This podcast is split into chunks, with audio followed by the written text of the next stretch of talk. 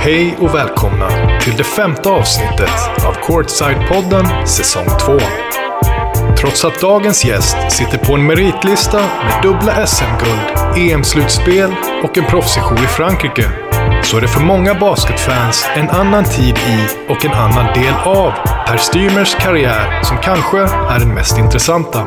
Om du, som vi på Courtside-podden, är ett fan av ESPNs dokumentärserie 30 for 30 så kan du nämligen ha sett Per i avsnittet Guru of Go där coach Paul Westhead implementerar ett spelsystem och en basketfilosofi som får ögonbrynen att höjas i den amerikanska collegebasketen under slutet av 80-talet. För Per spelar under två säsonger på Loyola Marymount University i det mytomspunna lag som både nådde enorm framgång men också drabbades av en fruktansvärd tragedi. Och trots en kort internationell karriär så lyckades Per under sina två år på Loyola Marymount göra ett namn för sig som än idag lever vidare, erkänns och hyllas av fans och basketkännare i och utanför collegekretsar. Men för många av oss här hemma är det också, eller kanske främst, hans insatser inom svensk svensk basket och inte minst hans hjärta för Södertälje som gör Per till den basketikon vi på Courtside-podden i detta avsnitt väljer att skina ett ljus på. Hej och välkomna till Courtside-podden. Mitt namn är Fredrik Engström och eh, alldeles strax ska vi få lyssna på Per Stymer och hans fantastiska basketkarriär som bland annat tar oss till eh, college och och eh, massa spännande saker. Men innan vi kör igång så skulle jag bara vilja uppmana er alla om att gå in och följa vår eh, podcast via Instagram. Och då heter vi Courtside-podden. Och kolla gärna in vår YouTube-kanal där ni kan hitta massa klassiska YouTube-klipp från eh, svensk basket. Eh, varmt välkommen till Courtside-podden Per! Tack Fredrik! Ja, det var ju roligt att du ville vara med här och berätta lite om din basketkarriär. Absolut, ja, men det ska bli kul hoppas jag och spännande. Ja.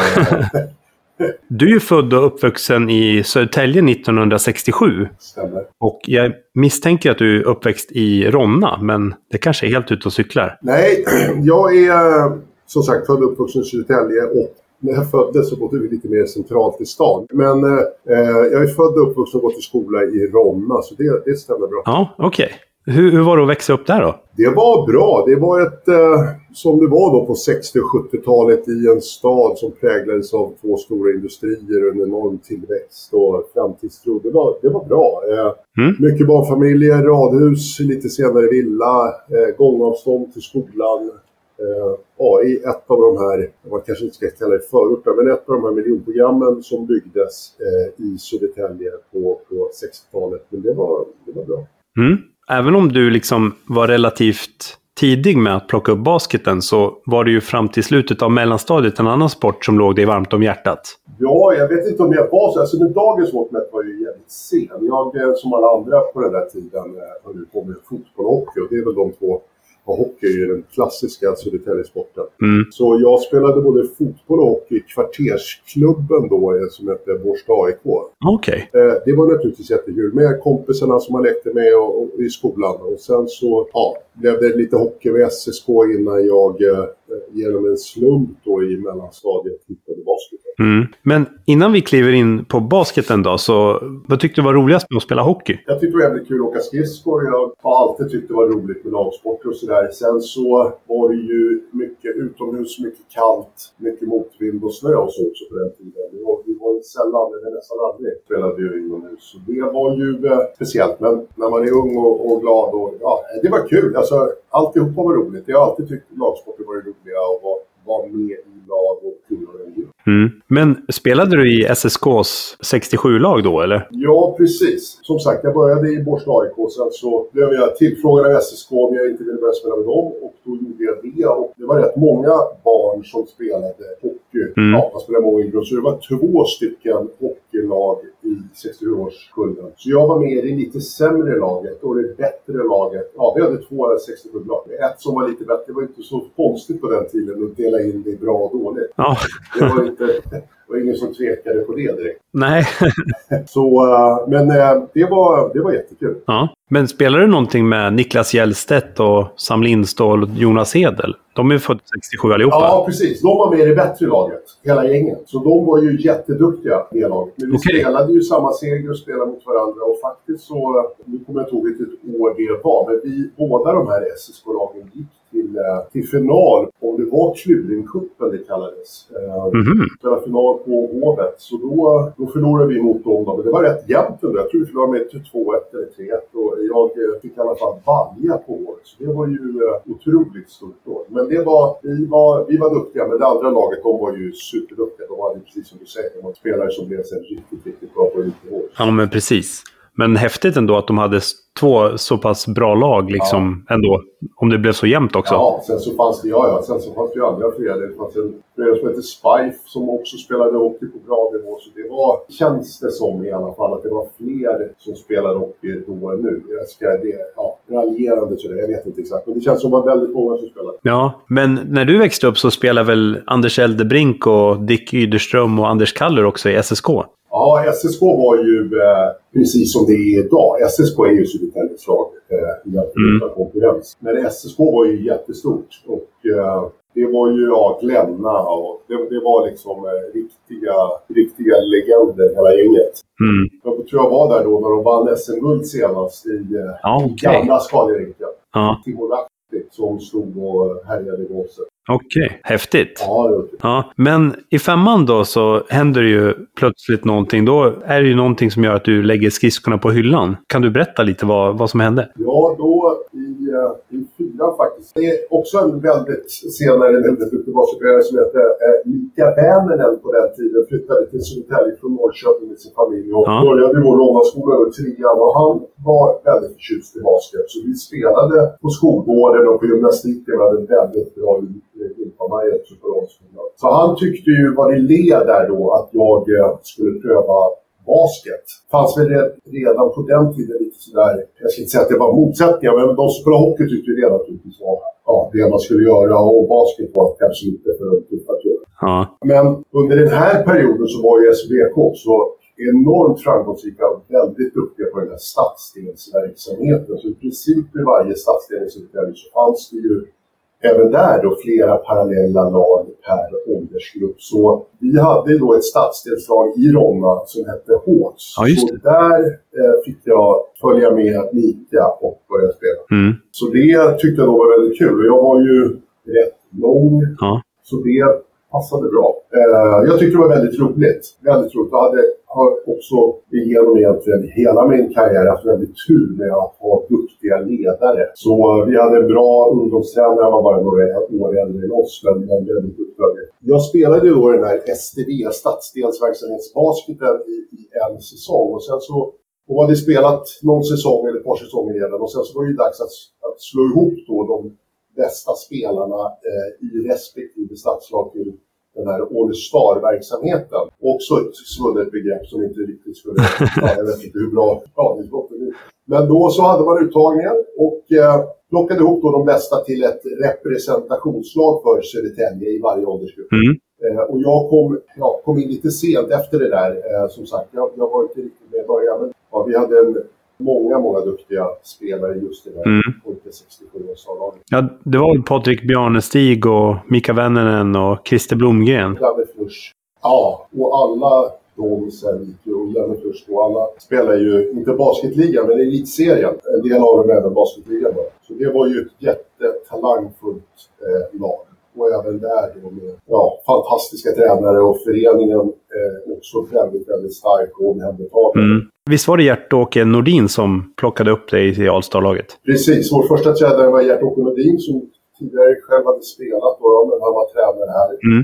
Så han tränade oss den eller de första säsongerna och sen så fick vi också rätt tidigt eh, Jonte Karlsson som tränare Just i det här Åsalaget. Mm. Han var ju spelare då i eh, Södertälje, han är ju tio år äldre än, jag tror han är född, eh, ja, han är 56 eller 57 va? Så han var vår tränare då samtidigt som han spelade i eh, SVT. Mm. Men sen efter ett tag så slog de också ihop eh, 66orna och 67orna, eller hur? Ja, jag, jag skulle inte säga att vi slog ihop, men, men vi var väldigt duktiga. 66-årgången, inte lika stark, men däremot så hade de gjort kanske en av Sveriges bästa ungdomsspelare i den åldersgruppen, Magnus Stegel. Han behövde väl lite assistans i sin åldersgrupp, så då fick vi spela med dem också. Det fanns ett, ett antal helt okej okay och, och bra ungdomsspelare i 66 också. Ja. Men vi spelade väldigt mycket 66 basket också då, med dem. Mm. Så uh, i de senare ungdomsåren så spelade vi både ja, 67 basket och 66 basket. Mm. Ni vann väl en hel del mästerskap också där tillsammans? Med det där laget? Ja, nej, men vi, vi vann nästan allt. Första året i SM förlorade vi SM och vi förlorade också, eh, tror jag, den här Stockholmsserien mot Åkersberga. Men efter det sen så, så tror jag inte vi förlorade mer än kanske en eller två matcher på fyra, fem säsonger. Oj, oj, oj. Så vi, eh, vi vann allt. Det var en, var en rätt bra ungdoms... Alltså det var en rätt bra årgång, 67. Eh, Uppsala hade bra lag och det var ett bra lag nere i Jönköping.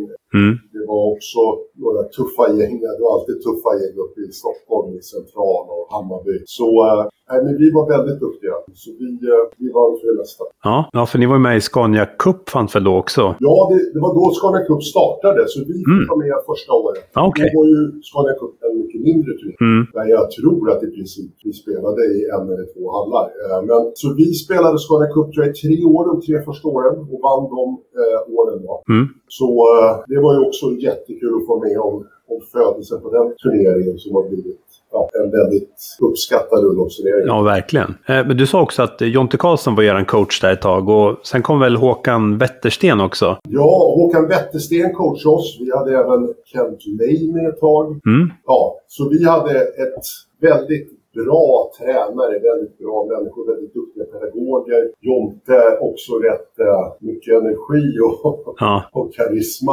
uh, så uh, men vi hade tur också några väldigt duktiga assisterande tränare i det här, mm. i det här laget. Så vi, uh, men vi hade jätte, jättebra ledarskap under de här ungdomsåren. Tufft men bra.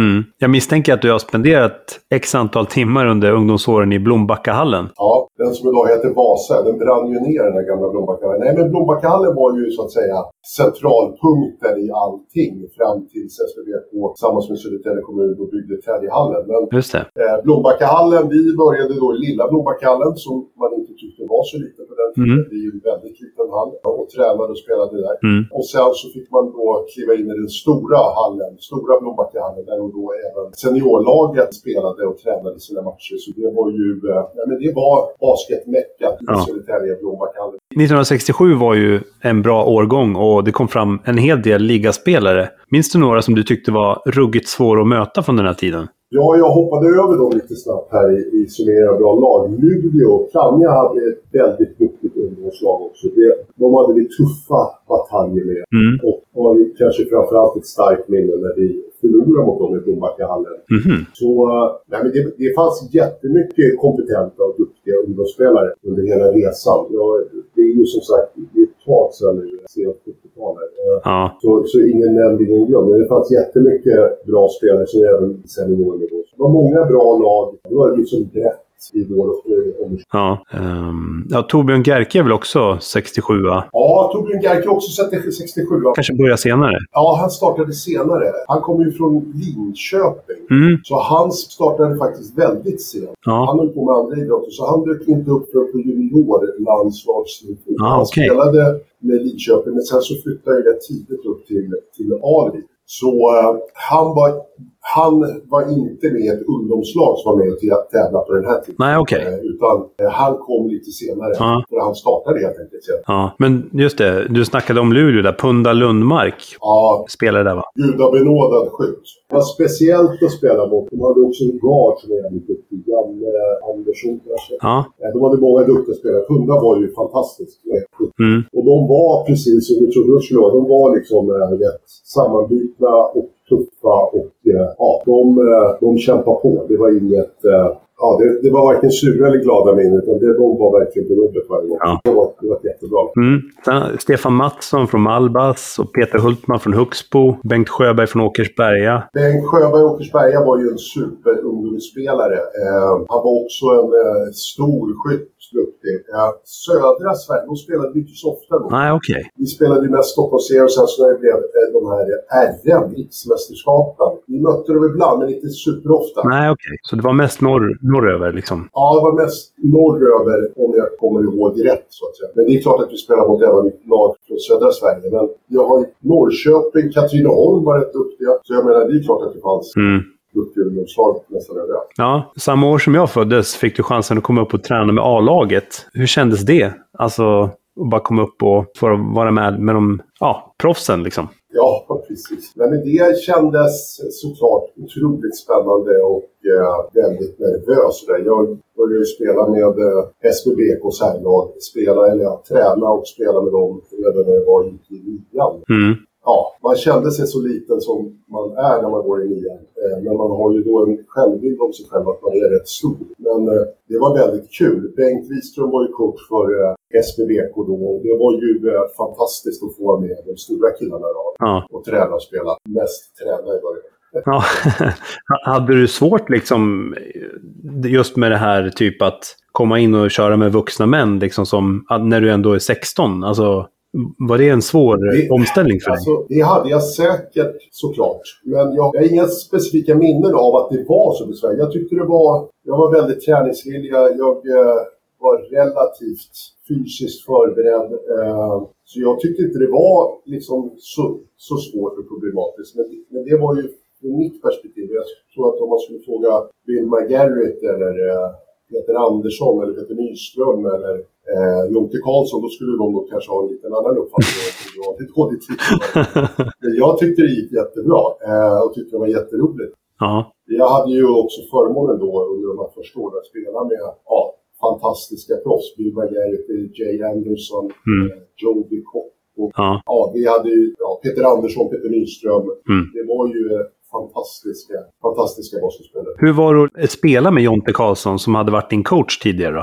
Var det en konstig känsla? Ja, det är klart att det var en konstig känsla. Man hade ju, eh, ja, efter de åren han var vår ungdomstränare så hade man ju naturligtvis en hel del respekt. Mm. Han kunde ju också vara rätt högljudd ibland. Eh, rätt eh, färgstark i sitt coachande. Så det är klart att man hade mycket respekt för det. Mm. Men äh, igen, jag har inga minnen av att det var något... Ja, jag känner mig välkommen och omfamnad så att säga in i, det stora laget också. Men självklart så, så tyckte de det var speciellt, särskilt då i början, att det, det kommer en sån ung spelare men det var, det var kul. Ja, hur växte din position fram i unga år? Spelade du på olika roller på basketplanen innan du fann rätt position som forward, eller hur gick det till? Ja, jag tror det är den här klassiska vägen, kanske speciellt då för lite längre spelare. Nu så lever jag ju aldrig lång, men jag, menar, jag blev två meter rätt tidigt. Jag tror jag var färdigvuxen när jag gick till nio. Mm. Jag var två meter redan då. Så jag började då ungdomsår, då spelade jag ju center nära korgen. Jag var inte så bra på att dribbla eller göra andra saker heller. Utan jag fick eh, vara nära korgen. Mm. Försöka lägga i de bollarna som ledde över där. Ja. Eh, men sen så, jag ändå, och det var det som var så bra med ledarskap. Vi fick så att säga testa allting. Det var inte jättestor fokus på... Vi spelade ju naturligtvis med kanske lite mer definierat än vad man gör nu. Det var ju mycket passing game, tre ute, två inne. Men eh, eftersom jag också spelade i olika åldersgrupper mm. ända upp till 65-årsgruppen så, så var jag ju inte alltid stor så att säga. Utan jag var ju en forward så jag fick hantera bollen rätt mycket och jag fick skjuta en hel del och driva. Så jag tyckte att jag var bekväm och duktig på det. Men det kan man väl konstatera sen med lite perspektiv kanske. Jag fick rätt bra fundamentala basketkunskaper och bra träning. Men jag blev ju, kanske inte blev expert på någonting, men jag var väldigt duktig på väldigt mycket. Mm. Så jag kände att jag eh, ja, jag fick prova på många olika saker. Ja, man pratar ju nu för tiden om positionslös, alltså pointless. Ja. Man tar bort de här klassiska positionerna. De börjar ju försvinna mer och mer. Och mm. spelare kan ju spela på multipla positioner av större värde. Och folk har ju sagt att du var före din tid i detta avseende. Att du liksom på grund av din kombination av teknik och fysiska attribut kunde spela på de här olika positionerna. Håller du med om detta eller vad har du för tankar om hur den moderna basketen skiljer sig från när du var aktiv?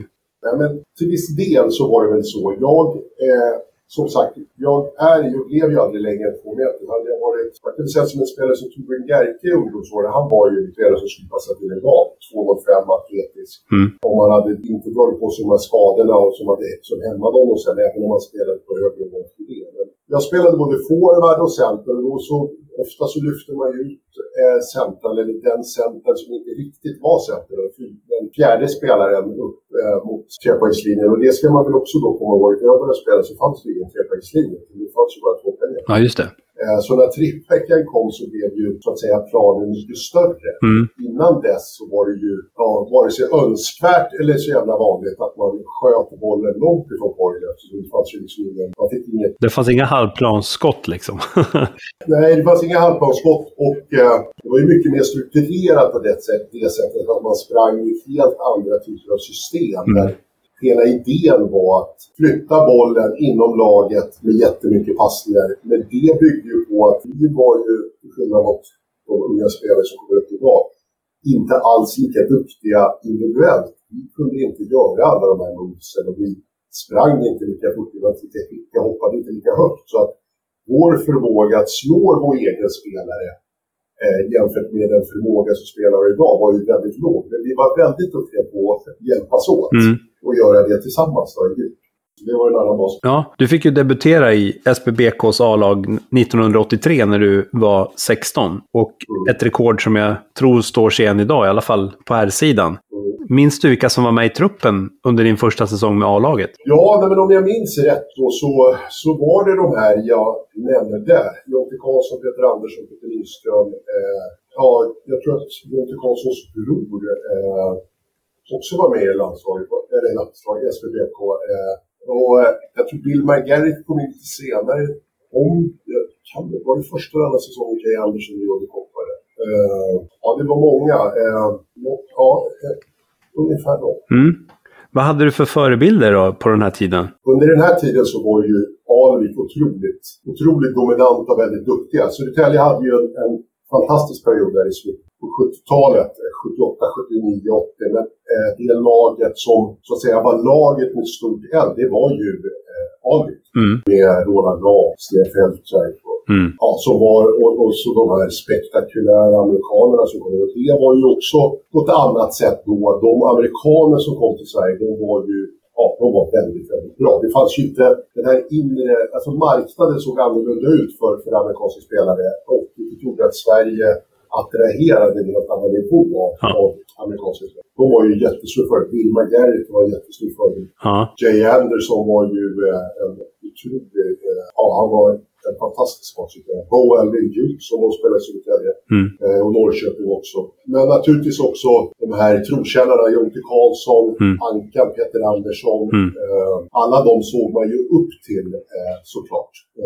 Och det var ju också ett, ett annat medielandskap. Det fanns ju inte internet. Det är mycket som inte fanns på den tiden man börjar tänka tillbaka också. Det var liksom lite mer i, i närområdet man hittade de här stora idolerna. ja, men precis.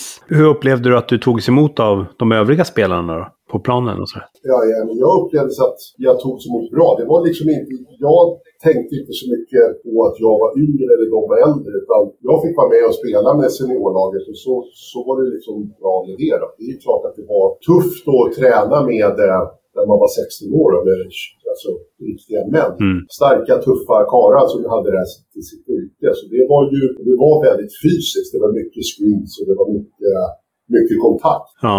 ja, jag har alltid gillat det, så det har varit liksom helt okej. Jag, jag har aldrig tyckt att det varit så konstigt, så jag upplevde inte det heller då när jag började som, som var konstigt. Det är klart att man fick en smäll här och där. Och även när man spelade mot andra lag, det fanns många rutinerade här, Mm. här och där, så, så ja, ibland så spann det på rätt rätt. ja. Minns du hur det gick i din första match med SPBK? Nej, jag har faktiskt ingen minne av det och jag vet faktiskt inte vilka det var heller. Utan jag, jag vet inte. Jag kan inte tänka mig att jag spelade så mycket första säsongen. Jag har minnen av att sitta där ute på bänken i Blombackahallen och mest applådera och värma upp. Ja. Och tycka det var kul att dunka på uppvärmningen. Men, men jag, nej, jag, nej, det har jag, vet jag faktiskt inte. Nej, okej. Okay. Eh, hur var stämningen på matcherna då? För att jag vet ju att det var riktig basketfeber i Sverige på 70-talet och ja. Alvik dominerade och sådär med Glenn Barry och Sten Feldreich för att nämna några. Men hur var baskethypen liksom in på 80-talet? Var det liksom samma hype eller hade det lagt sig lite? Nej, det var inte samma hype. Det var lite mindre, det var lite mer intimt. Ja, jag vet inte om du har varit i Vasahallen. Eh, Nej. Eller de här små, alltså Blombackahallen, om det var 300 pers där, då var det ju nästan fullt. Så det var ju liksom en liten, liten hall. Ja, okej. Okay. Järfälla var med i, i uh, högsta serien i basket, också en liten hall i Stockholm. Mm. Och Gränskyrkehallen och uh, ja, Åkesåshallen är också en liten, alltså det var rätt, rätt intimt och litet. Ja, okay. Jag upplever att när Södertälje sen klev in i Täljehallen så blev det lite större just i Södertälje. Men mm. ja, det var små arenor helt enkelt och intimt. Men jag reflekterade inte så mycket om det, att, att det var om det var 300 personer på läktaren eller om det var 500 eller om det var 75. Så man var fullt upptagen med att göra rätt på plan och det var, liksom, det var så roligt att spela. Så det var det som, som var den stora upplevelsen. Och jag upplevde att det var, liksom, det var ju stort och naturligt. Ja. 1982 blev ju du även kallad till A-landslaget för pojkar. Eh, vad var det för typ av landslag? Det var 66-årsgången då som skulle spela. Vi spelade EM-kval och sen även EM-slutspel. Det var Micke Härken som var headcoach för det laget. Så vi spelade EM-kval på Island och sen så spelade vi EM-slutspel i Tyskland. Okej. Okay. Med 66-årsgruppen då, eh, med 66 mm. Så det var ju fantastiskt roligt. Ja. Vi hade ett bra kval och kom två efter Spanien på Island men hade ett lite mindre, mindre lyckat EM. Vi vann, ja, vi vann några matcher men vi, vi placerade oss inte i.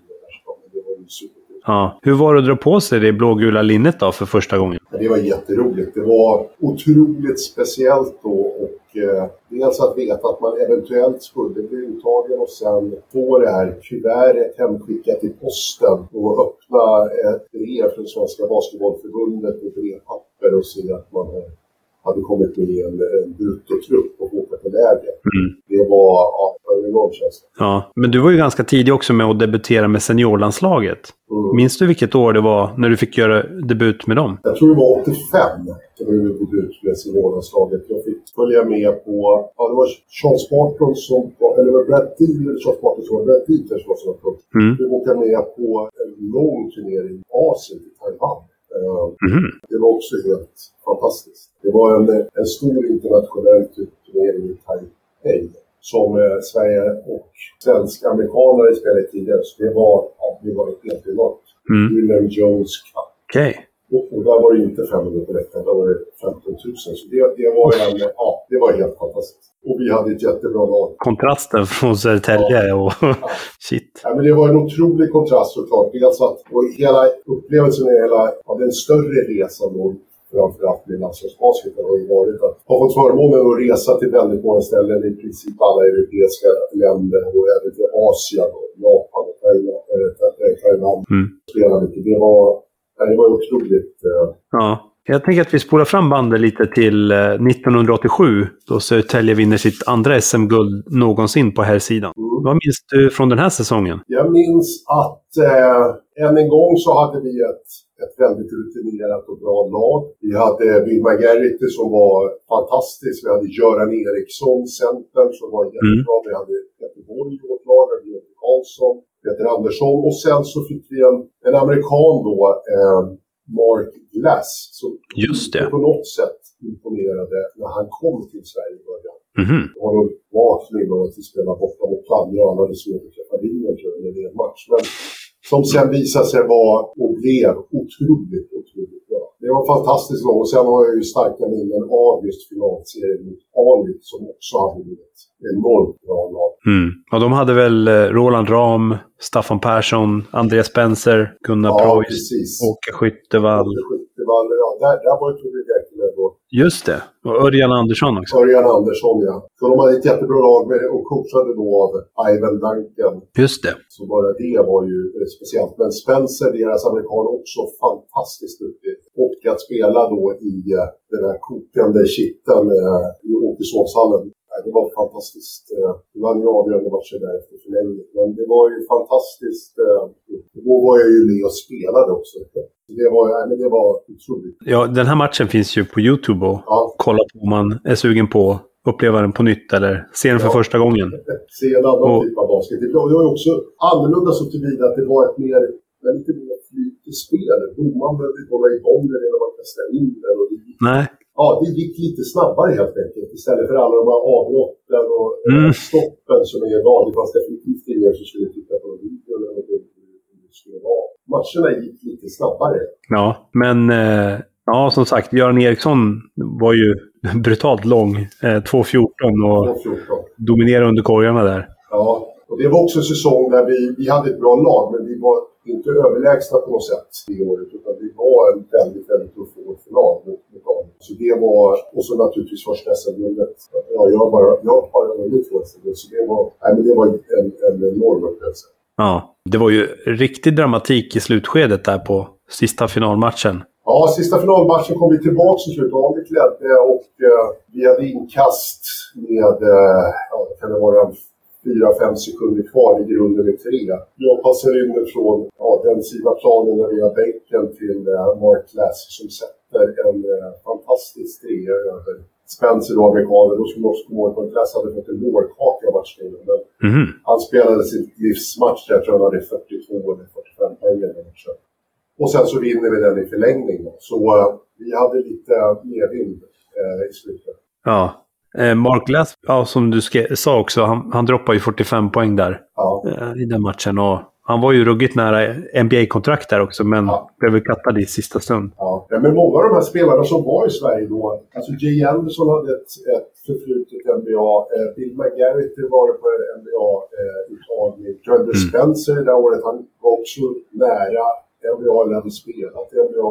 Det var ju spelare från, från tidigare också, Ron Lee, en en legendar som också spelat den. Så det fanns ju så att säga spelare som kom med en annan typ av erfarenhet i Sverige än vad det är idag. Det, det, då har vi spelat på hög nivå, alltså Lawrence McRae. Eh, ja, det fanns hur mycket bra amerikaner som helst som verkligen spelade på högsta liksom, Europanivå och var duktiga även i USA. Då. Så det var ju ja, fantastiskt att spela med. Ja.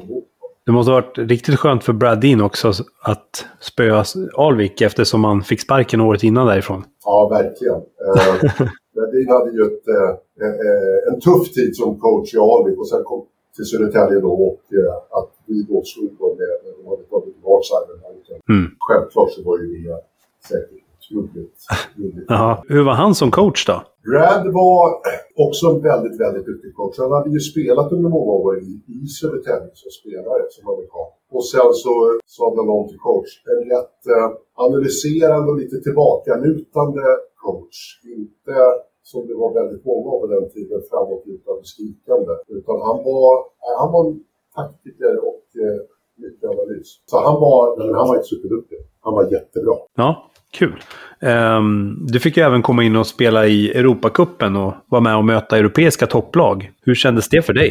Ja, men det var ju också roligt. Vi spelade mot grekiska och tyska och många olika europeiska lag. Men det, det var ju också roligt på det sättet att vi, vi var ju nästan alltid lite i underläge och, och ja, vi var ju inte favoriter men vi kunde i alla fall tävla. Mm. Så jag tyckte det var, det var väldigt kul och det var ju också ett större, i ett större sammanhang där basketen var mycket större i de södra delarna av Europa. Så det var jättekul. 1987 också så spelade ju ni ett EM-kval i Maribor. Precis. Och eh, deras landslag var ju fantastiskt bra. Och de hade ju, det var ju Jugoslavien då. Så spelade ju även Drasen Petrovic och Toni Kukoc. Var ju också med i den matchen. Ja, Divac, Paspan. Precis. Vad minns du från den här matchen? Jag minns att eh, basketplanen kändes väldigt stor. Mm. Jag minns att det gick väldigt fort. Ja. Jag minns att det var svårt att förstå vad, hur de här stora spelarna kunde göra det de gjorde med bollen och hur otroligt samspelta de var. Mm. Vi måste ha förlorat väldigt mycket, men det var ju... Eh, de var otroligt duktiga. Och det var ju en, en, en upplevelse så tillvida att vi, vi spelade mot det här världslaget. Mm. Så eh, det var... Det var ja, de var bra. De, Ja. de var precis så bra som de sen blev. Och det var ju en av de nationerna innan Jugoslavien som land bröts upp då kunde tävla mot, mot USA. Så de, de var unga, otroligt talangfulla och duktiga spelare. Ja. Det var ju en sekvens i den här matchen när de kom tre mot en. Och det var du som var i Sveriges lag då. Ja. Minns du när de kom här, Drasen och Kukuc? Ja, som sagt, jag minns att det var väldigt mycket, att det var väldigt konstigt för de var oftast i de situationerna, alltså de var väldigt ofta i de situationerna när, vi hade sprungit bort oss eller skjutit fel eller, Mm. eller skjutit dåligt och de, de hade dragit ut det. Så jag minns inte exakt där, den, jag, alltså jag har ingen minne av eh, just den situationen men Nej. jag kan mycket väl tänka mig att det, det slutade väldigt bra för dem och lite sämre för mig.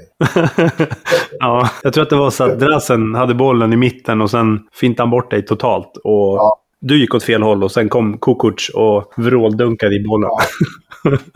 Ja, men eh, som sagt, vi var ju eh, artister och enormt skickliga hockeyspelare. Och eh, Mm. vi hade ju fått...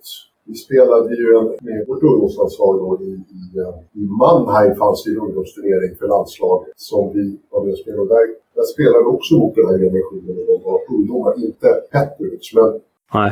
resten av gänget. Där kunde vi tävla rätt väl mot dem. Vi förlorade, men, men vi kunde tävla rätt väl. Ja. Och när de tog det här nästa steget och blev unga vuxna, ja då var det någonting som hände där. Så det, ja, det var det. Mm. Men det är också, som idrottsman eller idrottskvinna så är det också roligt att tävla mot de bästa. Även om det Såklart. för oss då den där gången inte gick så väldigt bra. Att få se och vara med liksom. Ja, men precis. Jag tror ju faktiskt att ni bara förlorar med 25 poäng. Och det är ju ändå... Det är inte så mycket... Det var nog inte, det var inte vår förtjänst att vi var... Jag tror de... jag tror de... De var nog lite snälla och spelade runt. De hade nog kunnat vara med 15. Ja, okej. Men det var ju... eh, nej, men det var en upplevelse. Det var viktigt. Det var fantastiskt. Ja, det måste ha varit skithäftigt att få möta dem där liksom. Men 1988 då? Då var det ju dags att försvara SM-guldet från året innan. Ja. Det lyckades ni ju faktiskt ganska bra med, eller vad säger du? Ja, 88 då var vi... Eh, inget ont om Solna som vi slog i final då. Eh, så var vi ju helt överlägsna. Mm. Solna hade ju ett jättebra lag med Peter Mellström, Christer Sabel i eh, spetsen där. Mm. Nelly Widerblad, vet inte om det var med. Men de hade också ett bra lag. Men vi, eh, ja, vi var jättebra. Jag tror inte vi förlorade en enda match i slutspelet. Jag tror vi vann det liksom rakt i alla. Både i kvartsfinal, semifinal och final. Jag tror inte vi förlorade en enda match. Så det var, jag ska inte säga att vi definierade, men, men då var vi, ja, då var vi bäst. Ja. Uh, Bo Alvin Dukes var ju, uh, han en trollkonstnär Ja. och eh, hade riktigt bra säsong tillsammans med Bill.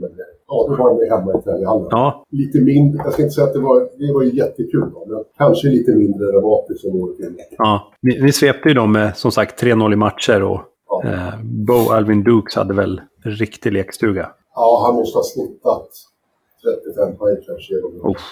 slutspelsserien. Han och Bill var... Alltså mycket av spelet gick ju ut på... Bill, gudabenovad skytt, Mm. en otroligt duktig och, och stark och tuff spelare. Så mycket av vårt spel gick ut på att eh, göra honom fri helt enkelt, så han skulle få bollen. Eh, okej. Och sen att ge Bowen utrymme att göra det han Ja, Eh, och han hade ju varit en dominant kraft i, i svensk basket ända sedan han gick upp i Norrköping. ja men precis. Eh, så han var ju ja, fantastisk. Ja, han hade ju verkligen fantastisk bollbehandling och otroliga passningar. Ja, och 1,68 eller vad. Ja, och så kunde han ju skjuta över långa spelare också. Ja, en otrolig timing Mm. och en bollbegåvning utan att sticka. Så det var, det var ju naturligtvis tacksamt då eh, att springa på kanten och bara hålla upp händerna så oftast bra. Ja, jag har för mig att han var nära ett kontrakt med New York Knickerbockers också. Där. Ja, det är möjligt. Kanske lite kort i rocken, men Aha. han var... Ja, Ja, men... Ja, han var spelare på hög nivå. ja. Ja.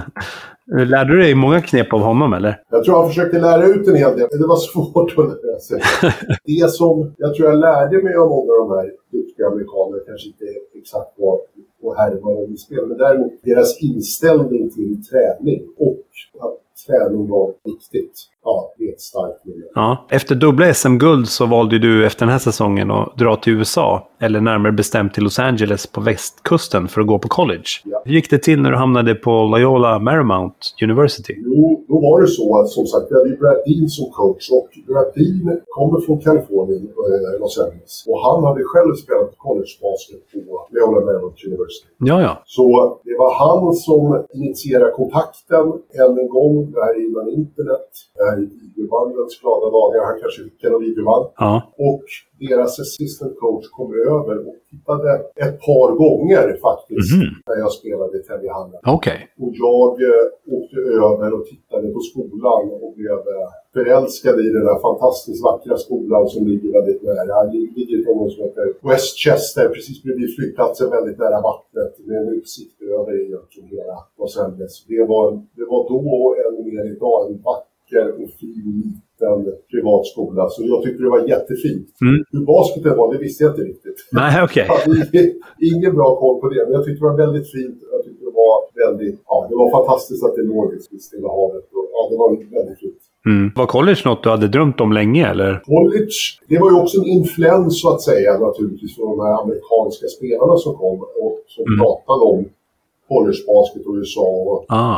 eh, det fanns en, eh, en abonnemangstjänst från ett företag som hette Pontel på den tiden där man kunde beställa eller prenumerera på ändra NBA eller collegematcher. Så att Ah. en stor del av att de här amerikanerna, de hade liksom alltid en plastpåse med videoband som de delade mellan varandra när de spelade mot varandra i olika hallar. Som var då just från, då fick man matchen som spelades för en månad sedan, skickade från USA och så kunde man titta på den med sin VHS-bandspelare. Så det såg ju väldigt, alltså det var ju lockande. Mm. Och så pratade ju Bradin naturligtvis väldigt varmt om den här skolan. Jag, jag pratade med andra collegecoacher också, men det här var den enda skolan som jag besökte. Och det var ju, som sagt, jag blev väldigt eh, tagen av hur vackert, hur fint det var. De tog väldigt väl hand om mig när jag var där. Jag hörde ju naturligtvis att coachen och laget var bra, men jag hade ju liksom ingen uppfattning. Jag hade aldrig sett dem spela. Så det var ju chansartat att jag hamnade just där jag hamnade, när och den tid jag hamnade där. Så, Mm.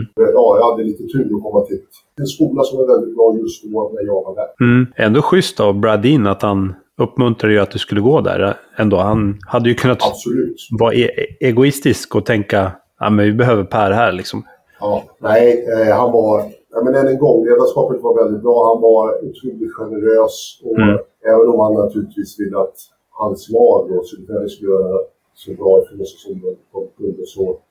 Ja, han var väldigt eh, hjälpsam i det. Ja. Hur var det att bosätta sig i USAs näst största stad Los Angeles då? Ja, som sagt, jag var ju där då på besök i 48 uppvisa det bästa som skolan hade att erbjuda. Mm. Var på någon fest med massa studenter och på fina restauranger och fick eh, liksom, lite sand mellan tårna eh, på Beach. Så jag tyckte det var fantastiskt. Och sen så, när jag väl åkte dit så var det ju ett enormt stort steg. Jag åkte dit lite senare än, jag var ju 21 då när jag Ah. kom till Los Angeles. Så jag var ju lite äldre än eh, spelare som åker över idag och spelar collegebasket. Mm. Jag var ju tvungen att göra militären Just det. också från en svunnen tid när jag var obligatoriskt körde militärtjänstgöring. Får se om det kommer tillbaka till det med allt som händer i världen idag. Ja. Men, så jag gjorde lumpen då mellan gymnasiet och innan jag åkte iväg. Jag, jag hade till och med två år mellan. Jag, jag, jag fick inte göra lumpen direkt efter. Så, så det, jag var lite äldre så jag tyck, trodde att jag skulle vara rätt väl mentalt förberedd. Men det var, det var faktiskt rätt tufft Ja. åka dit själv och komma till en plats som man varit på en gång. Eh, träffa massa människor som man aldrig träffat förut. I en helt ny miljö. Man förstod inte riktigt koderna, sammanhanget eller kontexten. Så det, det, det, var, det var tufft i början. ja. Väldigt tufft. Minns du vad du hade för känslor och intryck de där första veckorna i Kalifornien? Liksom när du kommer, när det kommer till basket och annat? Känslan var att det var som sagt fint och inte så stort och det uppskattade jag. Skolan på den tiden när jag hade kanske bara 4 500 elever. Ja. Så det var en rätt liten skola. Deras faciliteter och hall påminner rätt mycket om Täljhallen. Det var inte jättestort, men fint och bra. Jag älskade att det var ja, i södra Kalifornien, fantastiskt väder. Mm. Och bodde bra på campus, i lägenhet och delade rum med en annan lagkompis. Men känslan var ju också att det var väldigt, väldigt långt från vänner och familj. Mm. Egentligen det enda sättet att ha kontinuerlig kontakt med familjen i, i Sverige, det var ju att faxa. Sjukt. Skicka fax. Ja, precis. Jag väntade på att mamma skulle faxa liksom, ett brev från jobbet. Ringa var ju jätte, jättedyrt. Mm. Så vi var ju också, det kändes rätt ensamt i början. Ja. Men eh, skolan tog väl hand om mig. Jag hade tur och eh, från bra rumskompisar från början och kom eh, snabbt in i laget. Och hade ju naturligtvis en enorm... Eh, ja, vi hade ju en, en legendarisk coach i Paul Weston. Mm. Ja, det var en enorm upplevelse. Ja. Loyola var ju en, eh, eller är ju en katolsk skola. Var det något som var svårt att anpassa sig till? Ja, det är ju en liten, alltså det är en katolsk skola, jesuiter. Nej, alltså jag vet inte riktigt hur. Jag tyckte inte det. Det var ju naturligtvis speciellt att det var en kyrka mitt på skolan. Ja. Det var ju lite annorlunda. Mm. Vi svenskar är ju relativt sekulära, eller i alla fall de jag har umgåtts med under min uppväxt. Eh, religion har inte haft någon större betydelse.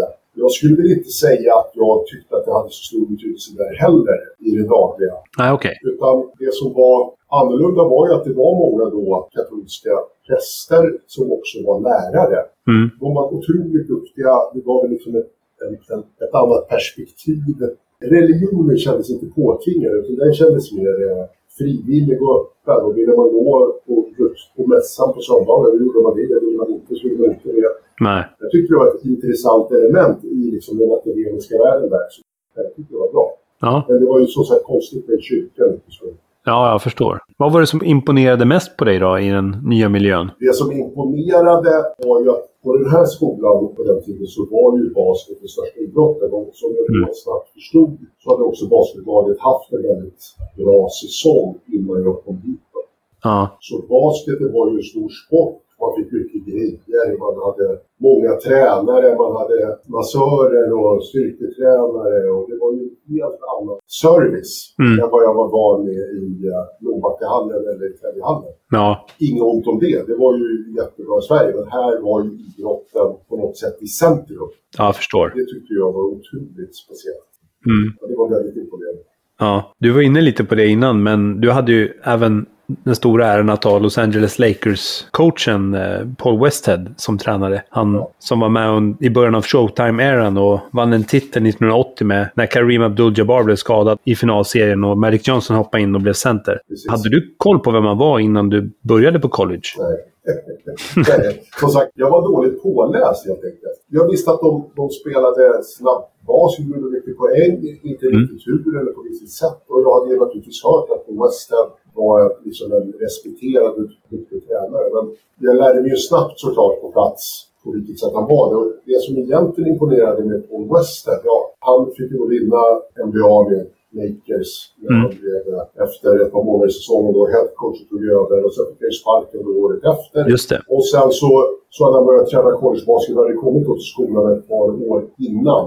Det som imponerade var ju just den här enorma dedikeringen och noggrannheten och planeringen. Men också att han, tror jag, då var en av få, eller den enda collegecoachen i division 1 som också var lärare. Han var ju professor i litteratur och då med specialområdet Shakespeare.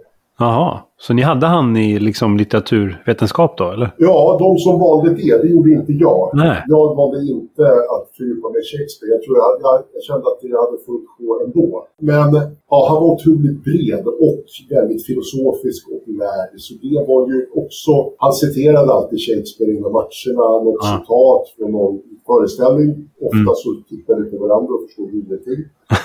Han var en fantastisk basketbollcoach med ett väldigt speciellt sätt att se på det. Ja. Man hade börjat med i Lakers och sen Just det. längre fram. Men också en eh, otrolig människa. Kan du beskriva lite hur det var att spela för Westhead? Och då är jag speciellt nyfiken på hur du upplevde hans då väldigt oortodoxa spelsystem, Run and Gun, Ja. som fick begreppet The System. Alltså hur funkar det och vad är syftet med spelstilen? Ja, hela syftet med spelstilen var ju att trötta ut motståndaren och skjuta så många skott som möjligt på den tiden man hade. Vi ska komma ihåg då att det här är 2 gånger 20 minuter och en skottklocka som var 45 sekunder på den här tiden. Så man kunde ju verkligen ta sin tid i anfall. Men Paul då hade designat ett spelsystem där det var väldigt väldigt definierade roller. Så där var det verkligen så att ettan var guard, tvåan som var shooting guard, han sprang på högersidan, trean som var då lite ja, power forward eller större guard, han sprang på vänstersidan, fyran sprang ner i mitten och femman om som trainer. Och alla hade, ja det var militärisk disciplin i vad man förhöll sig och förhöll sig var man var på golvet. Ja, Så min roll som jag blev varse om då också eh, när jag började där var ju att spela i den här position 5. mm. Även fast jag inte var den största spelaren på plan. Men jag spelade den då dels för att sätta bollen i spel så snabbt som möjligt och spela så att säga släpande trailer och skjuta trepoängare. Om inte någon annan hade skjutit innan. Och 90 av alla gångerna så hade ju någon skjutit innan jag kom till halvplan. Vi, alltså, vi snittade 125 poäng och vi tog ett skott inom 5 till 7 sekunder i snitt. Så vi, vi sprang upp, den som fick bollen först i princip i anfallen var fin, den sköt. Ja, Och sen så spelade vi helplanspress nästan hela tiden. jäklar. Med då syfte egentligen att, inte kanske att stoppa motståndaren att ta bollen, men att få in dem i vårt tempo. Vi var inte helt besvikna om de anföll lika snabbt som oss. Vi visste då att då var det led i nedre halvlek. Då skulle de inte orka och vi skulle vinna. Ja. Tillsammans med att vi hade några ja, USAs bästa collegespelare på den här tiden. Ja. Men hur var din kondition på den här tiden? Den måste ha varit helt sjukt bra. Ja, men den var bra. Som sagt, jag kom ju dit som 21-åring. Jag hade haft fantastiska säsonger bakom mig i eh, SBBK. Jag kände mig ju, ja, som man gör när man är 21 år och har fått chansen att vara med på hög idrottsnivå, odödlig. Och eh, ja, jag kände mig stark och, och självsäker. Men sen så blev ju just konditionsträningen någonting helt annat när jag väl kom till, till Los Angeles. Ja, vi tränade hårt helt. Vi tränade väldigt hårt på försäsongen. Vi tränade väldigt hårt när vi väl kom in på basketbollen. Långa pass.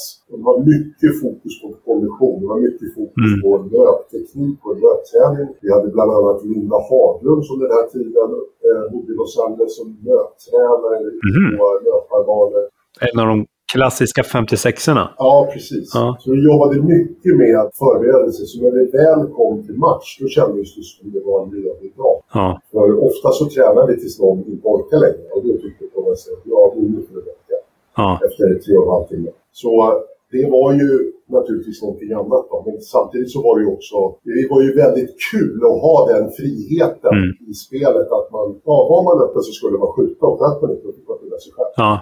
Men ni tränade en del friidrott också va? Ja, mycket friidrott, mycket löpträning, mycket... Alltså friidrott så tillvida att vi tränade mycket bana. Vi sprang Ah, ja, mycket bana. Vi sprang mycket i... eh, Ifall det finns några legendariska sanddyner i Manhattan Beach. Aha. eh, Där vi sprang mycket. Så det var mycket den typen av träning för att ha liksom, kraften och orken att spela på det sättet. Fattar. Eh, hur såg Westeds träningar ut då? Ja, Westeds träningar var intensiva, långa, korta moment med hög intensitet.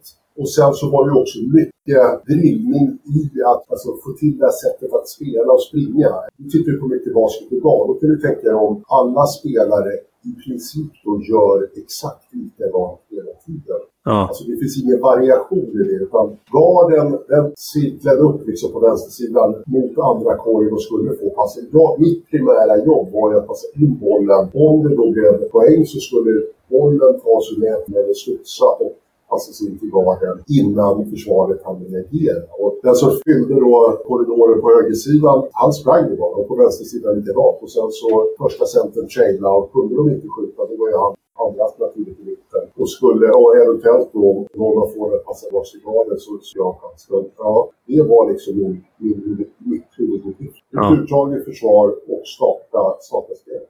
Mm. Körde ni liksom tills ni stupa eller? Ja, man kan nog säga att vi, träningarna avslutades med, ja, 99% av gångerna avslutades träningen med att springa. Ja. Idioten. Det kanske inte heter idioten tiden, men man springer till linjerna fram och tillbaka. Ja, ja. Shit. Och alla skulle klara en viss tid och det var alltid någon center som inte gjorde det och man springa igen. Och sen så sprang vi tills, ja, tills någon inte orkade springa längre Ja. Då, Shit. ja, då var Paul nöjd. Nu var det väl säkert inte så varje gång, men det, det, är, det är ett starkt minne av att många träningar slutade på det sättet. Ja. LMU var ju kända för att spela den snabbaste basketen i collegevärlden. Eller kanske rent av hela världen. Mm. Hade du nytta av den här spelstilen senare under din karriär i Sverige? Och hade du kanske bäst kondis i hela SPL här när du kom tillbaks? Jag hade väl nytta av att jag tränade väldigt mycket och spelade högt tempo och naturligtvis blev bättre på vissa detaljer i spelet. Men förväntningen på en duktig europeisk spelare var väl att kunna göra lite fler saker och ta lite mer egna initiativ Ja. än just det spelsystemet. Mm. Men självklart, jag tror att man har nytta av alla. Alltså så länge man får vara med och spela och vara på golvet oavsett nivå och oavsett position så lär man sig någonting hela tiden. Och naturligtvis alla de här oändliga timmarna som man tränar så blir man ju, om man får hålla sig frisk då, så blir man ju kille. Mm. Så det är klart jag hade nytta av det. Men jag har ju aldrig innan och aldrig efter spelat på det sättet Nej. eh, som vi gjorde där. Nej, jag fattar. Och han har ju testat det här sättet att spela på många andra lag och på många andra sätt. Och det har aldrig fungerat så bra som det gjorde med de här två.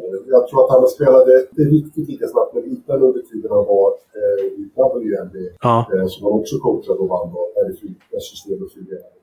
Men just de här två åren och till viss del också året innan så fungerade det exceptionellt. Hur var det att spela tillsammans med poängmaskinerna Hank Gathers och Bo Kimball då? Jo, det var ju en upplevelse. Bob Kimball då en eh, enormt duktig stor forward, en fantastisk en mot en-spelare och en otroligt bra skytt. Och Hank Gathers, en atlet utöver eh, liksom, det vanliga. Han vi var ungefär lika långa och han hoppade väl en halv meter högre än mig. Men han var ju en enorm atlet, en av få då som har lett hela NCAA både i poänggörande och returtagande.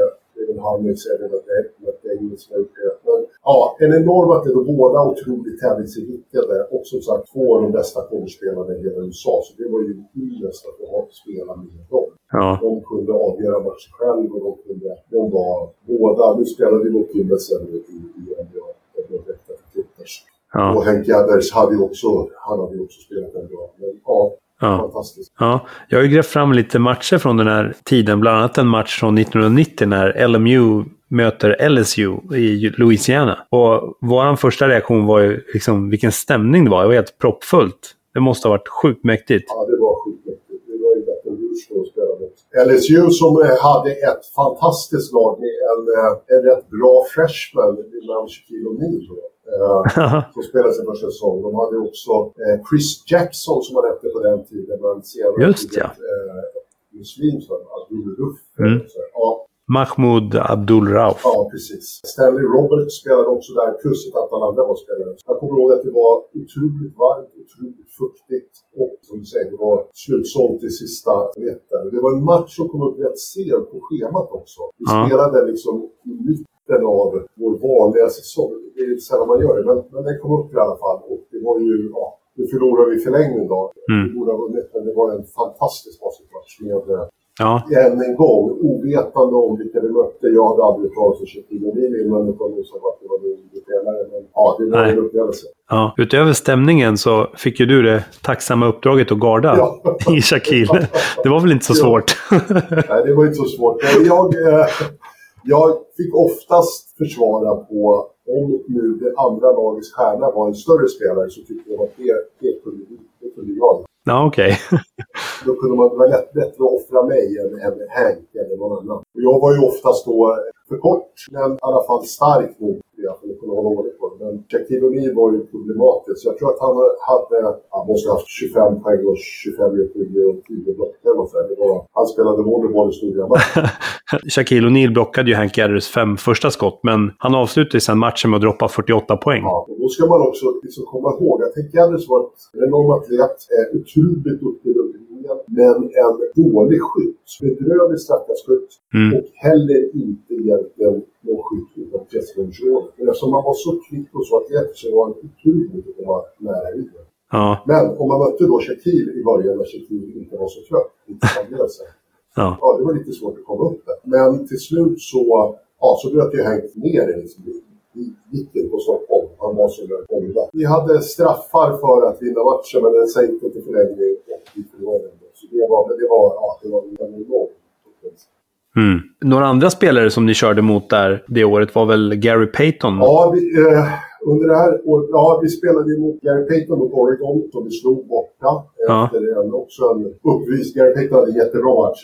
Kimball hade en ännu bättre match. Jag tror han hade också 45 eller 48 den matchen. Ja. Robert Ory, de slog vi slog dem i eh, Alabama för att gå till, eh, ja i Sweet 16 för att gå till Last Eight. Just det. Vi spelade mot rätt bra. Vi spelade också mot ett UNLV som var enormt bra under det året. Just det. Larry Johnson också där ja. Bland annat ja, Larry Johnson, Stacey Ordman. Mm. De hade ett riktigt bra... Vi spelade första matchen i säsongen med dem i Vegas. Mm. Också en upplevelse där vi förlorade efter mycket om och men. En av få matcher att jag är basketboll som var avbrutits på grund av bombhot. Men där ingen lämnade planen utan alla fick bara stå där på lite. Sen så körde vi. Det är mycket gambling i det där slaget. Så, och sen så förlorade vi ju då avgörande matchen eh, vi var till, till Final Four mot eh, också. Det är ju året. Vi förlorade med 30 och slog ut i finalen med 30.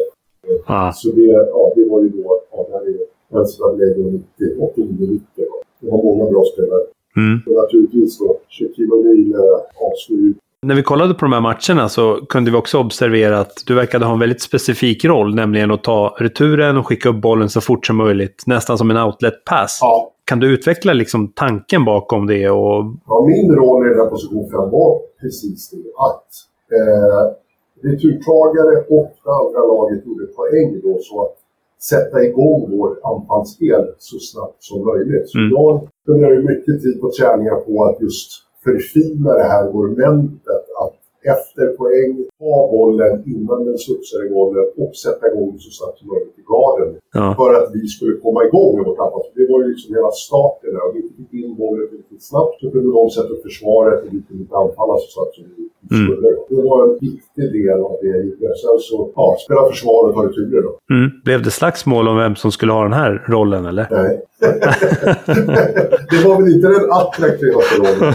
Utan de attraktivaste rollerna var ju naturligtvis någon av de andra fyra rollerna. Men eh, jag måste säga att jag tyckte...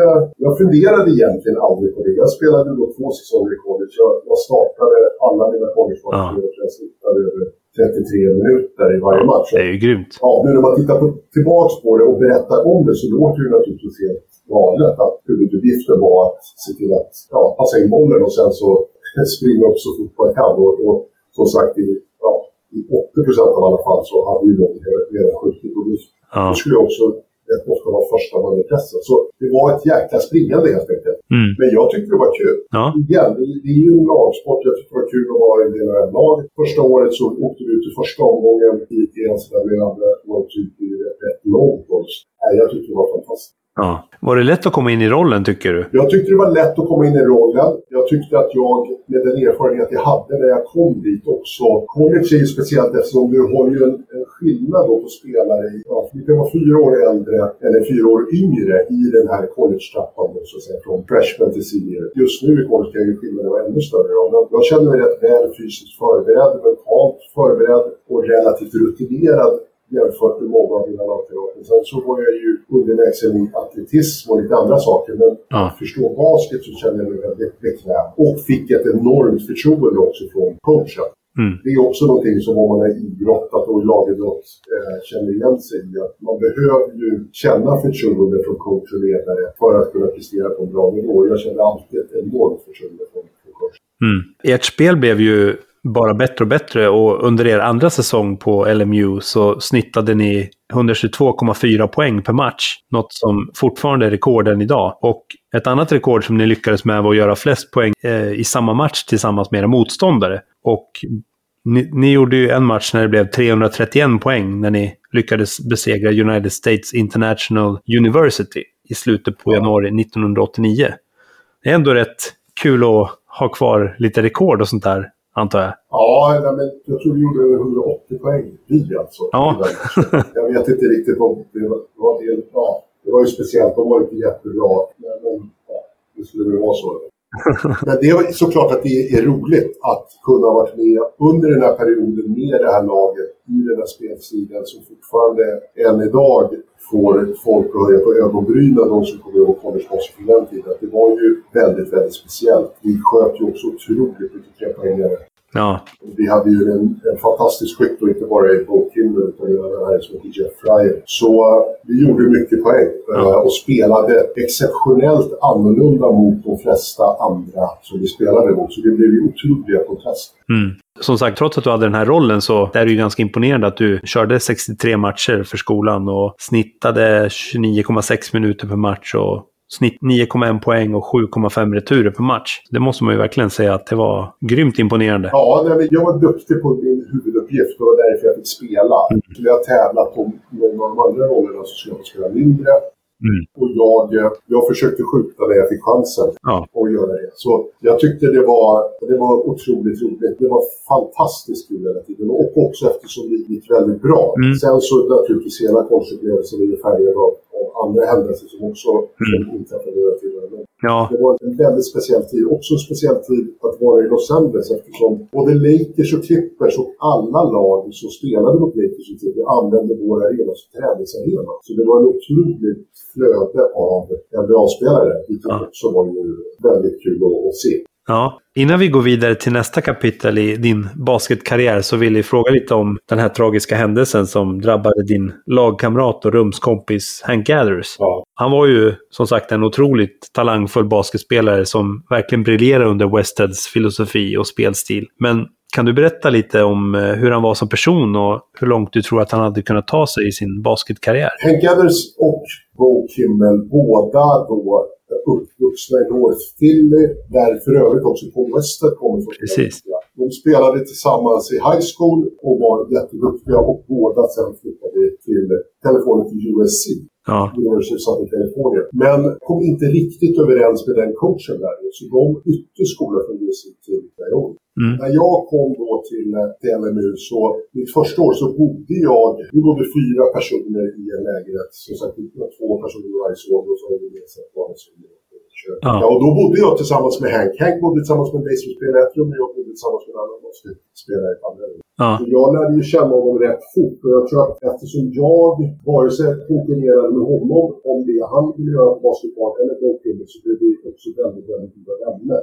Mm, Eftersom de också var rätt beroende av att jag skulle göra det jag gjorde bra så att de fick chansen att göra det de skulle göra bra. ja, Så de, ja, vi hade en väldigt god relation. Henk var en, förutom då var det en, en fantastisk basketspelare, också en otroligt eh, livfull människa. Eh, väldigt nära till skratt, väldigt nära till upptåg och ord, ja, klassens clown lite grann. sådär. Alltid Okej. såg till att eh, alla mådde bra runt omkring sig. ja, Och sen en enorm tävlingsmänniska, alltså tävlingsmänniska till sista liksom brottet. Mm. Så han var ju en, eh, ja, en fantastisk lagkamrat, fantastisk basketspelare och, och en fantastisk människa. Och naturligtvis så eh, enormt tragiskt med, eh, med det då som hände, att han eh, fick hjärtproblem. Och det är lite oklart exakt i detalj vad som hände, men Hank fick då hjärtproblem och under en match ramlade ihop. Man upptäckte då det här hjärtproblemet och han blev medicinerad och så sakteliga kom tillbaka. Men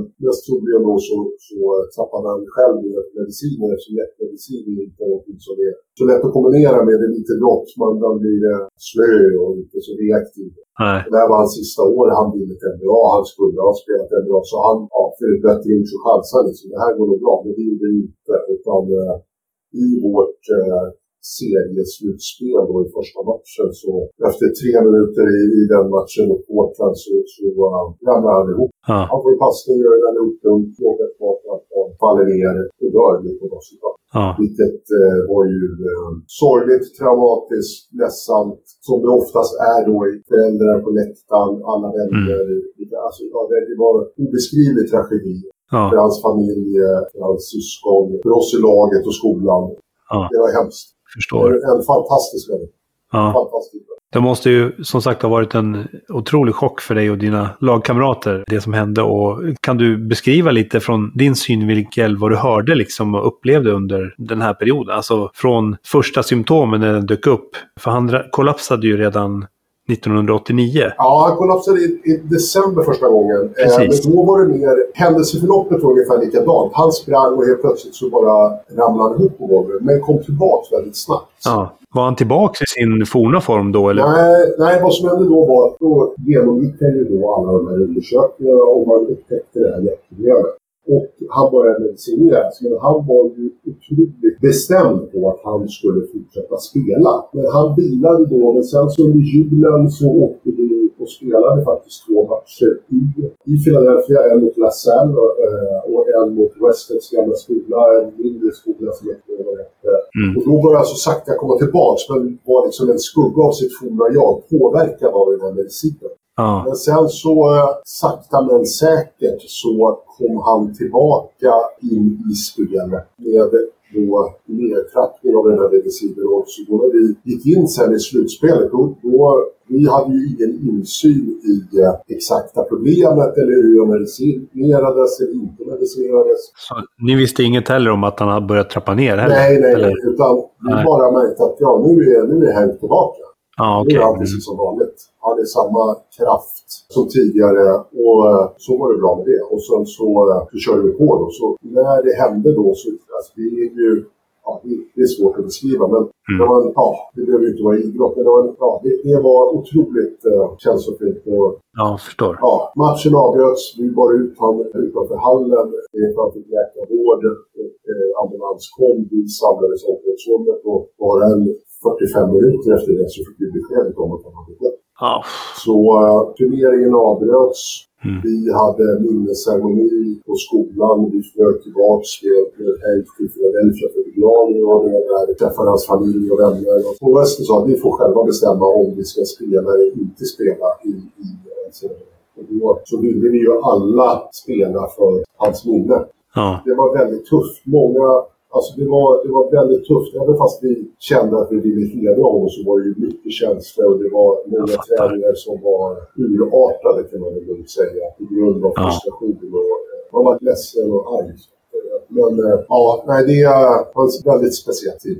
Ja. Tycker du att eh, coachen eller ledningen av LMU har något ansvar i det som hände? Eller känns det som att allt liksom var... Alltså att han inte berättade och delade med sig till dem heller? Det är svårt att säga vem som har ansvarig var. Jag Ja. kan konstatera att det blev en rättslig process när skolan stämde, eller jag säger, eh, familjen stämde skolan. Coachen och läkarstaben som också då resulterade i att Westhead slutade efter den här säsongen. Mm. Jag spelade inte mitt sista år utan jag, ja, jag vill inte vara kvar. Nej, jag förstår. Vem som hade bestämt vad och vem som visste vad det igen. Vi spelare var inte så pass nära i det. Men självklart så Nej. hade ju alla ansvar i den här frågan. Mm. Ja, alla hade sin beskärda del av ansvaret i varför det hände så väl. Och ett resultat av det här var också att det fanns ju liksom inga sådana jättemyfrineringsapparater i handeln. Och det är någonting som sen Bob Kimball har jobbat väldigt mycket med i NBA. Och, ja. Mm. Vem som hade det absoluta ansvaret, det, det kan inte jag säga än idag så att säga. Men det, oavsett det så var det ju naturligtvis det Mm. värsta som kunde hända. Men för Henk var ju basket, det var ju livet. Utan basket så var ju han, ja, då hade han inte varit den han var. Så han fick ju göra det han ville Ja, så länge han kunde göra det. precis. Så ja, Men det här måste ju varit otroligt liksom, stort för dig. Liksom, och så. Alltså, hur, hur påverkades din karriär efter det här? Liksom? Det måste ju ha varit med dig under hela karriären nästan, eller? ja jag, jag vet inte om min, jag tycker min karriär har påverkats. Det är nog mer jag som person som naturligtvis har påverkats väldigt mycket av det. Ja. Ja, man får en väldig eh, respekt för, eh, för livet helt enkelt. Mm. och hur snabbt det kan ändras. Det har ju varit en, en rad basketspelare, inte bara Henk Adler, som har råkat ut för typer av jätteproblem och dött. Så att det är Precis. ju idag en helt annan uppmärksamhet och en helt annan screening och en helt annan vaksamhet runt det här än vad det var just då. då. Om man undersöker unga idrottsmän på ett helt annat sätt, vilket är jättebra. Verkligen. Det har nog inte påverkat mig som idrottsman, men det har nog påverkat mig som person. Men kanske Ja. mer reflekterande lite senare under karriären. Där och då väldigt ja, bedövad och för, ja. Ja, ja, det var svårt att hantera. Svårt att hantera. jag förstår. Ja. Fick ni någon hjälp med det då? Liksom, med att ni fick gå och prata med någon? Vi hade hjälp både av eh, psykologer och Ja. naturligtvis kyrkan i det här fallet spelade också en stor roll i, Mm. eh, i samtal och, och terapi eller ja, individuella samtal, gruppsamtal efteråt. Ja, jag förstår. Och så hade vi, ja, vi var en rätt tajt grupp också. Men jag tror att det som kanske hade behövts som mest var väl då efter att hade spelat klart. Liksom. Och, och inget som man bearbetar på, på en vecka eller. Det är, en lång bearbetelse där. Så äh, det, det var en speciell tid. Ja. Även om Hank ej var med längre på plan och så, så tog ju ni er hela vägen till Sweet 16, eller The Big Dance som det också kallas. Hur var den upplevelsen? Ja, Den upplevelsen var väldigt, en väldigt stark upplevelse. Ett enormt, ja, det förmedlade du med hela livet. Och vi fick ju också då förmånen att i princip spela på hemmaplan i första omgången. Så de två första matcherna spelade vi i Beach, vilket är Ja. en timme från vår skola. Så det var ju som att vi spelade på hemmaplan. Och då så, efter lite om och men, så slog vi Mexiko i första matchen. Och sen så ställdes vi ju mot Michigan som året innan då hade vunnit Stanley. Mm. Också ett väldigt, väldigt namnkunnigt lag.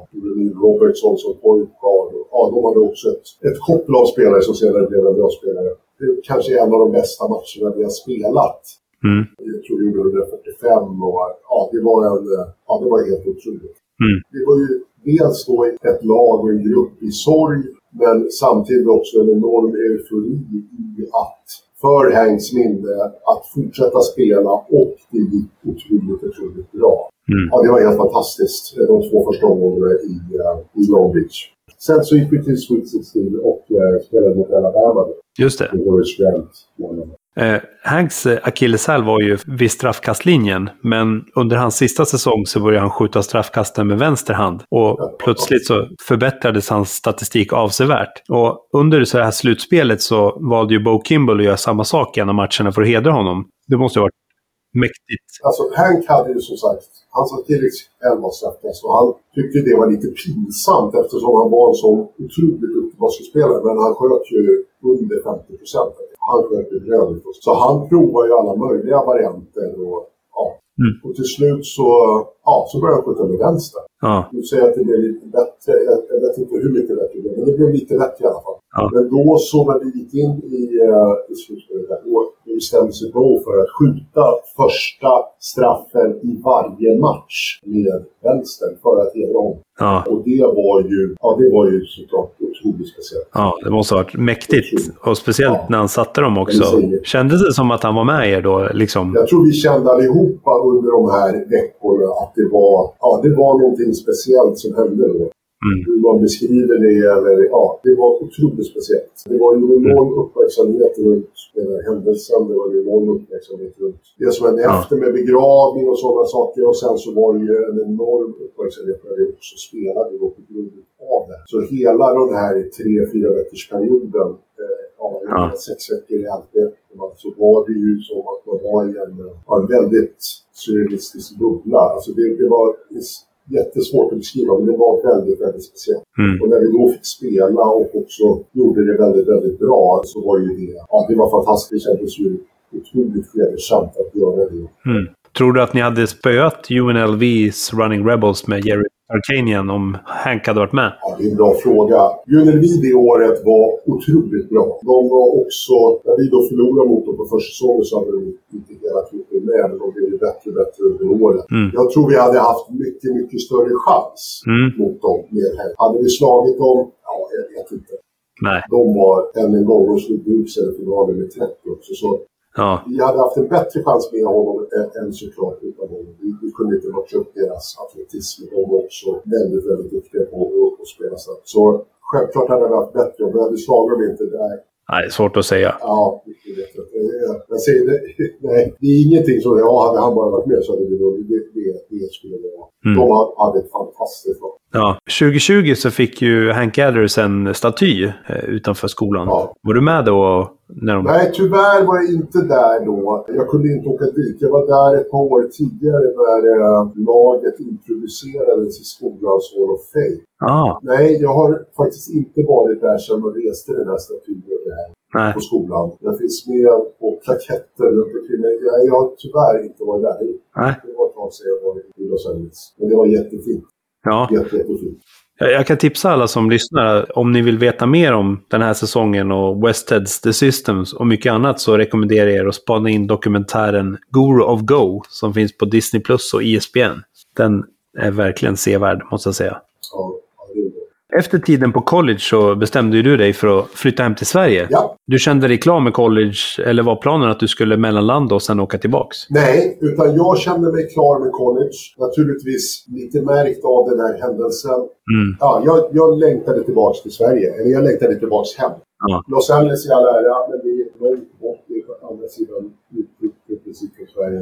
Så jag vill åka hem och sen så, ja, så jag åkte tillbaks. Jag hade förhoppningar om efter då college att kanske kunna spela professionellt någon annanstans än i Sverige. Men, men det, det blev inte så utan jag flyttade tillbaks till Sverige och till Alvik. Ja, hur kommer det sig att du hamnade i Alvik och inte Södertälje då? Ja, så här i efterhand så var ju det ett resultatmässigt ett jäkligt oklokt beslut. Men jag tyckte det var lite kul att komma till Alvik. Alvik igen är väldigt eh, ja, Södertälje är en hemmaförening med hemmaklubben. Alvik är ändå den största basketklubben på den tiden som fanns. Så mm. Det var ju en enorm utmaning. Uh, Ivan Duncan var tillbaka i Alvik mm. och Torbjörn Gerke flyttade, uh, skulle också spela i Alvik då. Örjan Andersson. Just det. det var det året Olle Håkansson också gjorde debut i högsta ja. serien tillsammans med Nico Hasselström. Ja, Örjan Andersson skadade sig första Men det, ja, det kändes jäkligt lockande att flytta till Stockholm och spela för Alvik. Och, ja, det, ja. vi hade ett bra lag. Ronny Ram, eh, Olof Jonsson. Mm. Ja, det, jag tycker vi hade ett väldigt, väldigt bra lag. Och det var spännande och eh, och spela Weidenberg. Vad var den största skillnaden på den Per Stümer som lämnade Sverige för Los Angeles och den som hade kommit hem till elitserien som basketligan hette på den tiden? Jag hade nog... jag tror att den största skillnaden var väl att jag hade ett högre självförtroende i mig själv och också en bild av mig själv, rätt eller fel, att jag liksom var mycket bättre. Nu tror jag det kanske inte riktigt var sant. den bilden jag hade av mig själv var att jag var, ja, efter de här åren, efter det som jag hade varit med om med LNU där var en, mm. en väldigt, väldigt bra basketspelare. Jag tror att, att komma tillbaka till Sverige då och komma in i en normal basketmiljö var ju eh, Ja, det var, det var nyttigt för mig. Jag fick ta mer ansvar. Jag fick en mycket mer framträdande roll än den rollen jag hade haft de åren jag var i SBBK innan jag åkte iväg till, till USA. Eh, Just det. det. Det var nyttigt att inte åka hem till moderföreningens trygga famn utan åka någon annanstans där det fanns andra krav och andra förväntningar. Mm. Sen så resultatmässigt hade det varit mycket bättre att åka SBBK. ja. mm. Men det var, det var jätte... Jag, eh, jag ångrar inte det beslutet alls utan det var fantastiska år med laget. Ja, ni mötte Arapt i semifinal där. Ja. Eh, med Staffan Persson, Gunnar Preutz. Ja, precis. Ike Persson var väl med och Lorenzo ja. Charles och Magnus Finström.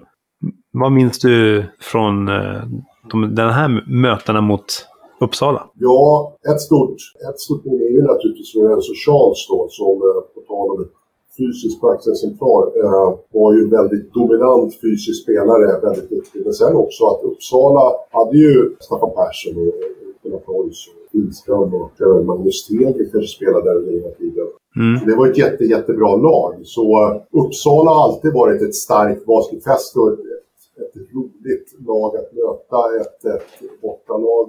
Uh, roligt att spela i Uppsala. Uh, Staffan Persson och Gunnar Preuss båda hade ju ett förflutet också i Alvik, så det var ju speciellt. Ja. Uh, så det var, nej, men det var kul. Det var, det var tuffa bataljer. Ja, och sen blev det ju SBBK där i, i Jaha. finalen Jaha. mot dina tidigare lagkamrater. Ja, precis. Sen blev det mot SBBK-finalen som vi då förlorade. Jag tror det var finalen med 3-0 eller 3-1. Mm.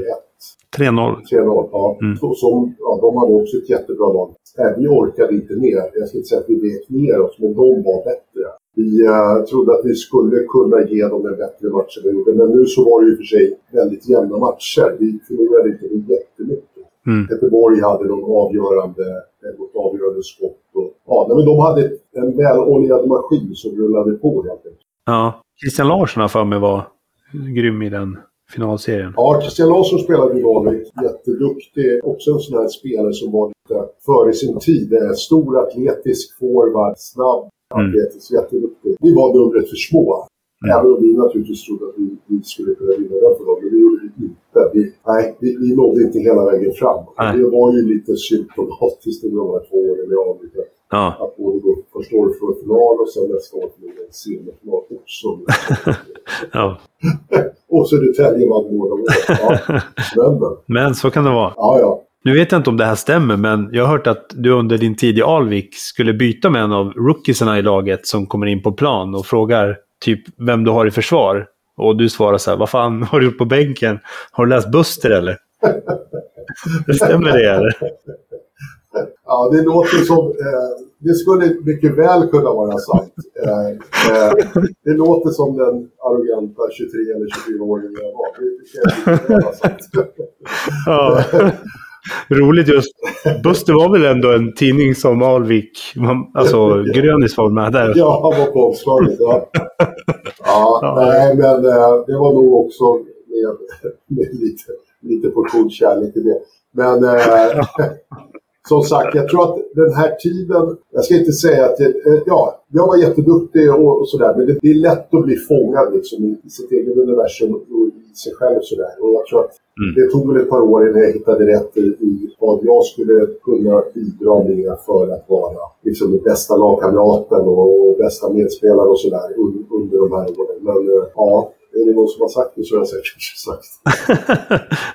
ja. Hur, hur, skulle du sammanfatta dina år i Alvik? Jag skulle sammanfatta dem som väldigt utvecklande. Som sagt, dels att komma då från USA, inte återvända till sin modersförening. Spela för Ivan Duncan som var inte så lätt. Han var en väldigt färgstark och eh, engagerad coach och hade satt väldigt höga krav och, och, stor press på spelare. Samtidigt som man också var väldigt varm och omhändertagande om sitt lag och ville väldigt väl. Och sen så också att spela basket i Stockholm. Under den här tiden så, ja, Fryshuset kom fram på den här tiden. Men, men Alvik och Solna fanns ju också. Så det var, det var kul att vara liksom och spela i huvudstaden. Även om Södertälje var 30 minuter bort så det kändes jätteroligt att vara i Alvik i den här föreningen med, med den långa historiken och, och spela, ja, spela med Ronny Ram till exempel. Ja. Ja, men det var jätte, jätteroligt. Ja. Säsongen 1992-1993 så är ju du tillbaka i Södertälje och då startar även den svenska basketligan. Ja. Och premiären spelas ju i Globen ja. och då spelas det bland annat sju matcher under samma dag. Och hur var känslan att spela i en av Sveriges största arenor? Ja, vi hade ju faktiskt redan spelat i Globen Mm. Under de här åren med Alvik så spelade vi också Europacupen som var ett grekiskt lag, Aris. Ah, okay. Vi spelade med Alvik i Globen i vår hemmamatch, vilket var den första basketmatchen i Globen. Ah, okay. Så det var ju en upplevelse det. Men naturligtvis så invigningen av basketligan med två planer bredvid varandra och basket under hela dagen var ju skithäftigt. Ja. Det var ju också en enorm framtidstro på det här nya ligasystemet. Mm. Ja, det, det, var med pompa och ståt helt enkelt. Ja. Som basketligan drogs igång med stor uppmärksamhet och en väldig ansamling. Så det var ju det var ett, var ett jätteroligt event. Mm. Mycket jippon och PR runt omkring och jag stod på Globens tak och drev basketbollar. Ja, men det var, det var jättekul. Ja, var det mycket folk och sådär? Ja, det var mycket folk. Ja. Det var ju massa andra saker som hände. Eh, det var uppvisningar i det ena och musik och det var andra sporter och... Om inte... Bröllop var det väl också? Inte ihåg helt fel så var det bröllop också. Charles Barkley gifte sig. Just det. Mitt i alltihopa. Så, ja. Eh, och, och, och, och kommer ihåg rätt så spelade vi mot Central den matchen och vann. Men det var, det var en jätterolig dag. Ja, vad minns du mer från den här säsongen då? Vi var rätt dåliga den här säsongen. Ja, vi fick liksom inte riktigt ihop det. Vi bytte lite amerikaner. De amerikaner vi hade var lite sådär. Och vi hade någon, ja, vi hade någon amerikan, sen hade vi någon annan import från eh, någon stor center från, vad kom han ifrån? Något, eh, ja, från gammalt jugoslaviskt land någonstans. Ja, ja, vi fick inte riktigt ihop det. var lite, det var lite sådär säsong. Jag kommer inte ihåg vilka vi åkte ut mot, men Ja. det var lite sådär. Det är mitt minne av den säsongen. Ja. Jag tyckte också att jag, jag var lite sådär halvfrustrerad och nej, jag, jag trivdes inte jättebra. Och det var en speciell ekonomisk tid i Sverige under den här tiden också, här i början på 90-talet. Det var lite markkriser och valutakriser och... Just det. Nej, jag, eh, jag var inte riktigt i fas. Nej, okej. Okay. Men EM 1993 i Tyskland då? Det var ju första EM-slutspelet för Sveriges ja. herrlandslag på tio år. Det måste ha varit otroligt kul att liksom vara med i det mästerskapet. Ja, det var jättekul. Ja, det var ju jättekul att vi kvalade in till det. Vi hade bland annat en fantastisk match på Johanneshov och Grekland som vi vann. Mm. Så det var jättekul och det var ju eh, som det alltid är speciellt att representera sitt land, eh, ett landslag. Men som basketspelare då så är man ju inte bortskämd med stora mästerskap. Ja, man spelar lite mästerskap på ungdomsnivå och sådär men, men att då få ta Sverige till EM-slutspel och sen så spela EM-slutspel i Tyskland, det var ju ja, det var jättestort. Ja, för det här var ju året efter också som Dream Team hade gjort succé i Barcelona 1992 i OS. Ja, precis. Med bland annat Michael Jordan, Magic Johnson och Larry Bird och, och grabbarna. Ja. Och det blev ju enorm basketfeber runt om i hela världen. Var det här någonting ni märkte, liksom, att intresset för basket hade ökat avsevärt även i Sverige? Nej, min upplevelse var väl att då i samband med den här, den här nystarten på seriesystemet i, Sverige som då blev på basketligan så fanns det ju enorma förhoppningar om att det också massmediellt skulle slå igenom och få en helt annan uppmärksamhet. Mm. Till viss mån så kanske det fick det, men ja, under tidigt 90-tal och under hela 90-talet så i samband med att basket genom det här otroliga laget, bland annat då i, Ja. i OS, men också ett antal EM, växte så exceptionellt snabbt i andra delar av Europa så uh, det kändes som vi liksom inte riktigt hängde med. Nej, jag fattar. På den här tiden så var det ju också svenska basketspelare som spelade i Sverige. Det här är ju långt innan det började bli professionella svenska basketspelare i andra länder i Europa än Sverige. Så eh, ja, jag tror att fram till dess så den enda svenska proffsspelaren som Sverige hade haft var ju Sten Fältverk då, som hade spelat i, eh, i Spanien. Mm. Det var ju också sådär, vi befann oss liksom i vår, vår hemmamiljö och, och var inte konkurrensutsatta och var kanske inte, eller vi var inte bra nog för att konkurrera på de villkor som fanns då. Att Nej. åka iväg och spela på andra ställen. Ja. Så när man kom då till EM här, eh, det var ju fantastiskt. Ja. Sveriges Television sände ju i alla fall matcherna från EM. Ja, Så det var man kanske inte bortskämd med som basketspelare från Sverige på den här tiden. nej, utan den tv-bevakningen som man var van vid, det var ju att SVT dök upp i final 3 eller sådär. Det var det. Jag tror också att en del av den här basketligasatsningen var också att man hade gjort en överenskommelse med TV4 och sådär. Men Mm. det var ju inte på något sätt att basket sändes eh, som det gör idag på, på massa olika kanaler och framförallt på olika plattformar och sådär. Utan vi levde lite undanskymt gentemot de andra stora idrotterna i Sverige. Mm. Och vi var heller inte internationellt så bra. Så det var ju naturligtvis jättekul då att vara med om att kvalificera sig till det här EM-systemet i Tyskland.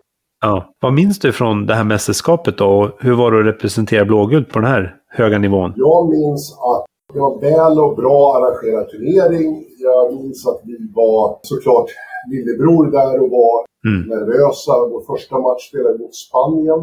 Ja. Det var inte så lätt. Jag tror vi förlorade med 30-35 Mm. mot ett väldigt, väldigt bra Spanien. Så det kändes ju eh, det kändes lite motigt. Mm. Men eh, det var ändå, som det alltid är, naturligtvis ja, fantastiskt att vara med.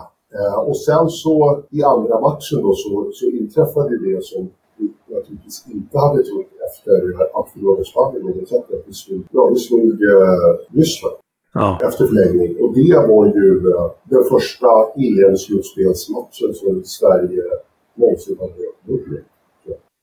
Ja, jag tror man vann någon, gång på typ så här 60-talet och sånt där, men det är Ja, okej. way- back. På väldigt lång tid då. Ja, det kan man lugnt säga.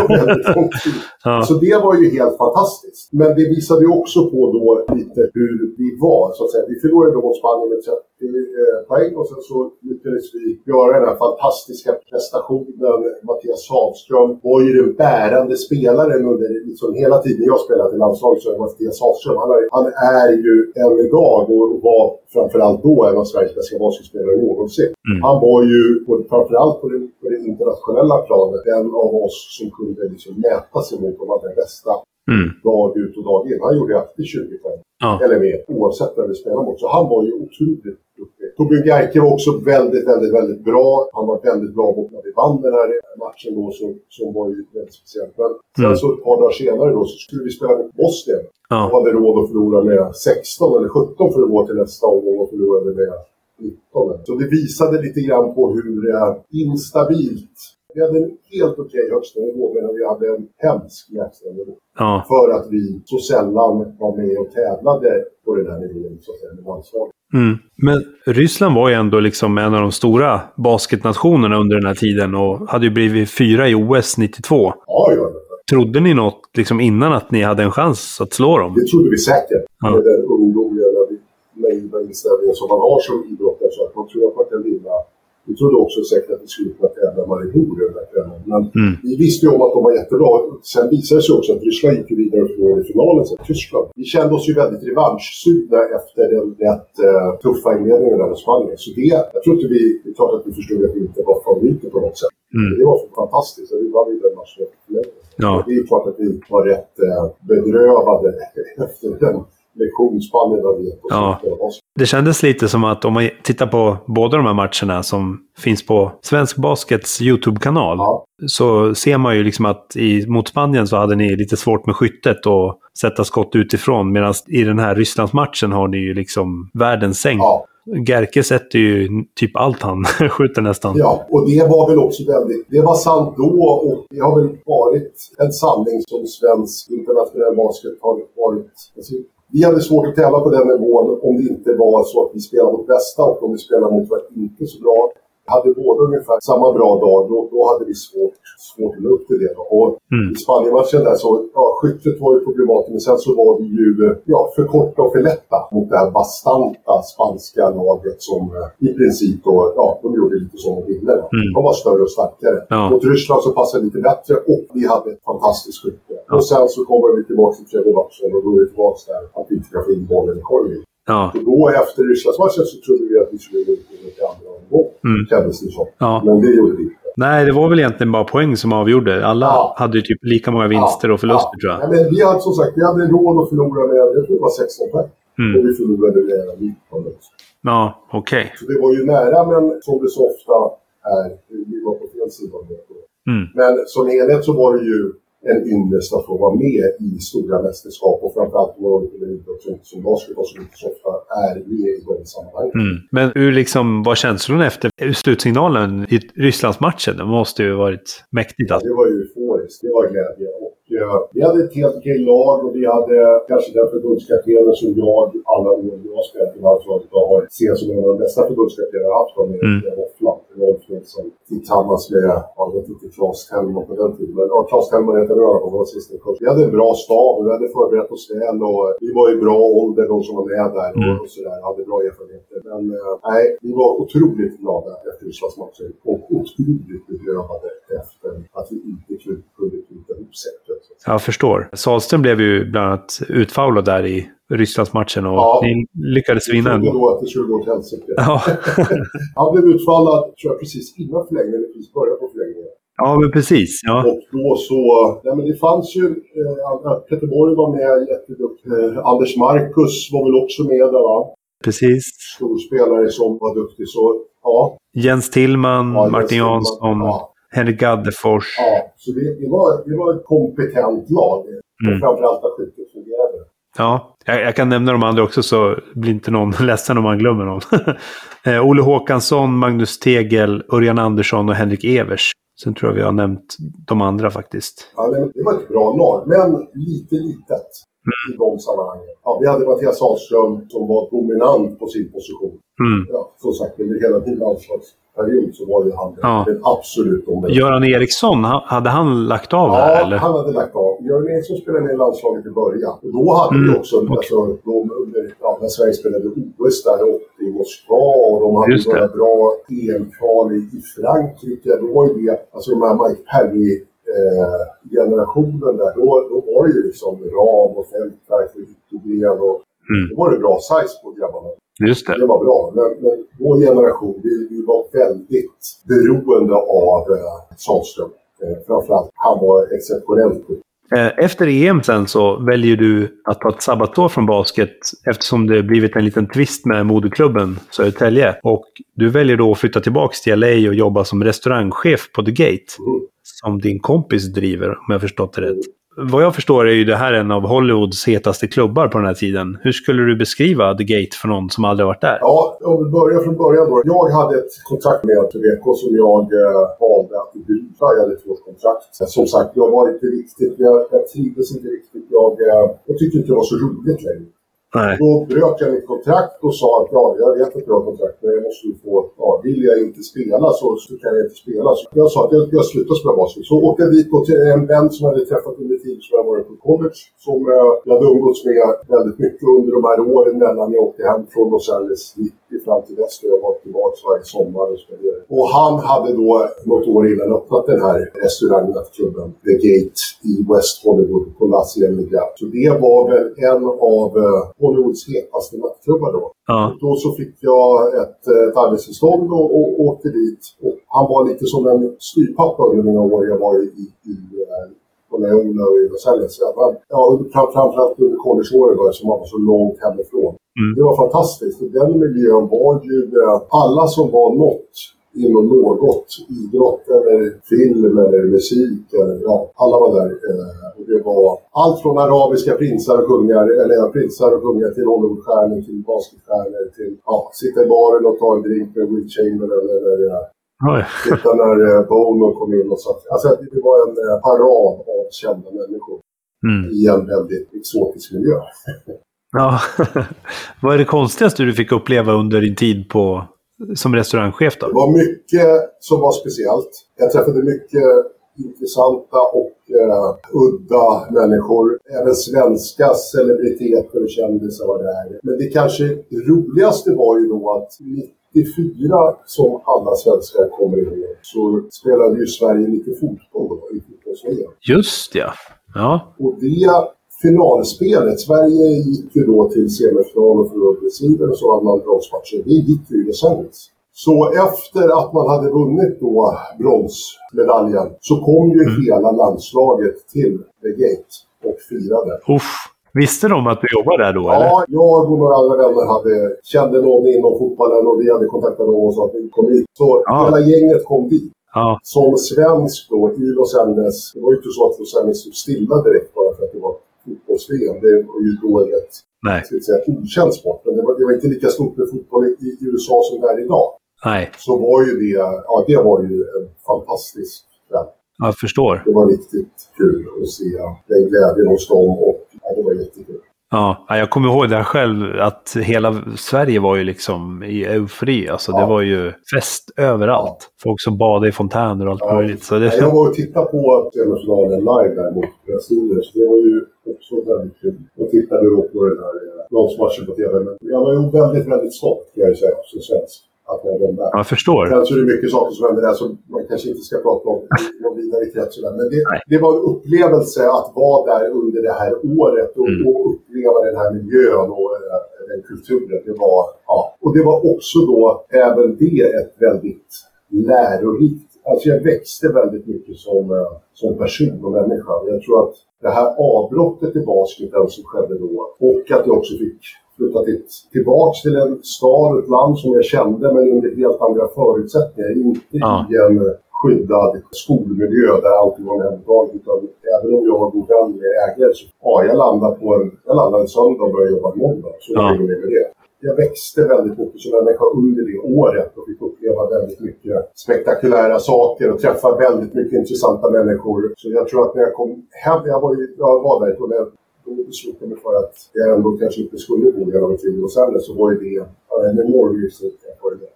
Mm. Var liksom planen när du sadlade om att det bara skulle bli ett år eller tänkte du liksom när du lämnade Sverige att nu är jag färdig med basketen? Jag tänkte då att nu är jag färdig med basketen. Jag vill flytta till Los Angeles, jag vill leva det här livet. Okay. Jag älskar den här staden, jag är trött på basket. Ja. Och det kändes väldigt befriande faktiskt att släppa då den här, som det är att vara elitidrottsman, det är en rätt monoton vardag. Det är ju ja, vakna, träna, äta, sova. Mm. Det är jättekul om man får uppträda under matcher och sådär, men det är, det är, mycket annat också. Jag tyckte det var väldigt skönt, väldigt befriande.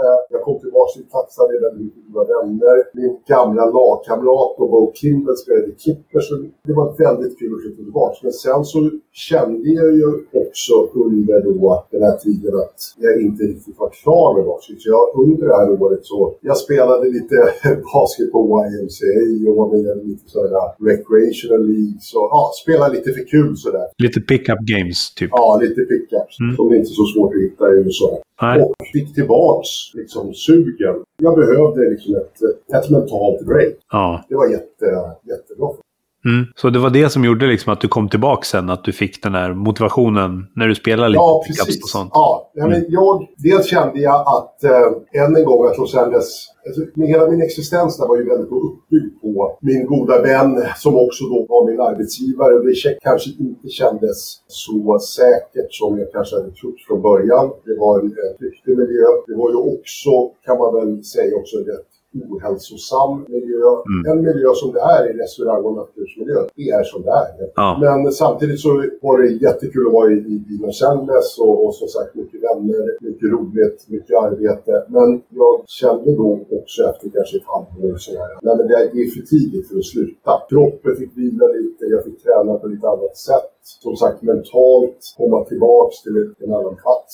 Mm. Då när Jonte sen ringde, som sen blev coach, kändes det också naturligt att komma tillbaka och både börja spela för Södertälje och komma överens om den här rättsliga tvisten som hade pågått i ett år Ja. med min förening och bli vänner igen och tillsammans igen. Det kändes också bra. Mm. Var det några andra klubbar som visade intresse eller var det bara SPBK som gällde? Jag var inte intresserad av att åka någon annanstans än till SVBK. Eh, jag hade ett stort förtroende för Jonte och ja, det kändes rätt att komma hem och på något sätt då göra rätt för mig. Och också som sagt sluta bråka med min modersförening. På det sättet så var det där året ett utmaning eftersom de var minst sagt lite sura. Mm. Att jag hade lämnat dem. Men jag tyckte att det var, ja, jag tyckte inte var livvägen. Jag måste kunna få göra någonting annat. Men i truppen då, när du kom tillbaks, det var ju det stora framtidsluftet. Joakim Blom där och Ja, Patrik Larsson och Magnus Tegel och Mats Appel och... ledaren bra. Ja, just det. Precis. Ja. Hur var stämningen i laget? Men den säsongen var bra gäng. Jag tror det var också Larry Jones var där som amerikan. Mm. spelare. Nej, men det, det var jättebra. Som sagt, Jocke Blom kom fram då. Fantastisk ung talangfull spelare.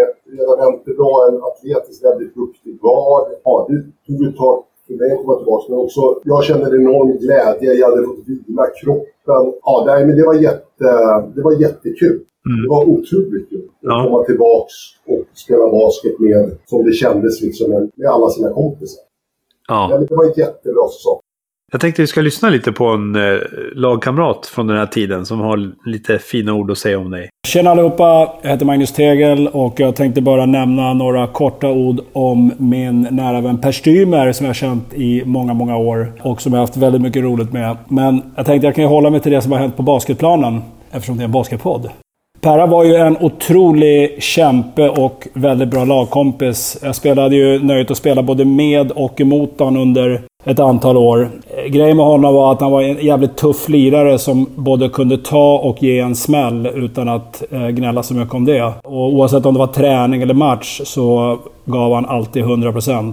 Eh, däremot hade han ju ett jäkla humör och eh, kunde väl bli lite sur ibland. Ehm, jag tror att han var topp i ligan. Kanske Christer Sabel var lite surare. Men Perra hade ett jäkla humör, men eh, ofta så kunde han förvandla det till positiv energi på banan. Han tog alltid mycket plats, eh, både på banan och utanför eh, banan. Och eh, jag tror han aldrig lämnar varken domare eller motståndare oberörda. Och alla som har spelat med han eller mot han vet hur det kunde låta i hallen när han skrek “Kom igen nu!” Och det kunde han göra ibland, till exempel om han hade fått för många domslut emot sig. Men som sagt var, humöret var lite grann av hans styrka också, för att han omvandlade ofta det till något positivt i hans spel. Perra var ju stark som en björn och han var ju relativt rörlig för sin storlek. Dessutom hade han ett bra skott, även om det inte kanske var det snyggaste i ligan. Men han, han sköt bra, men var framförallt en eh, väldigt rörlig spelare för sin size. Jag brukar säga att han var troligtvis fortfarande, oavsett om vi har haft lite spelare i NBA, så min eh, take är att han är den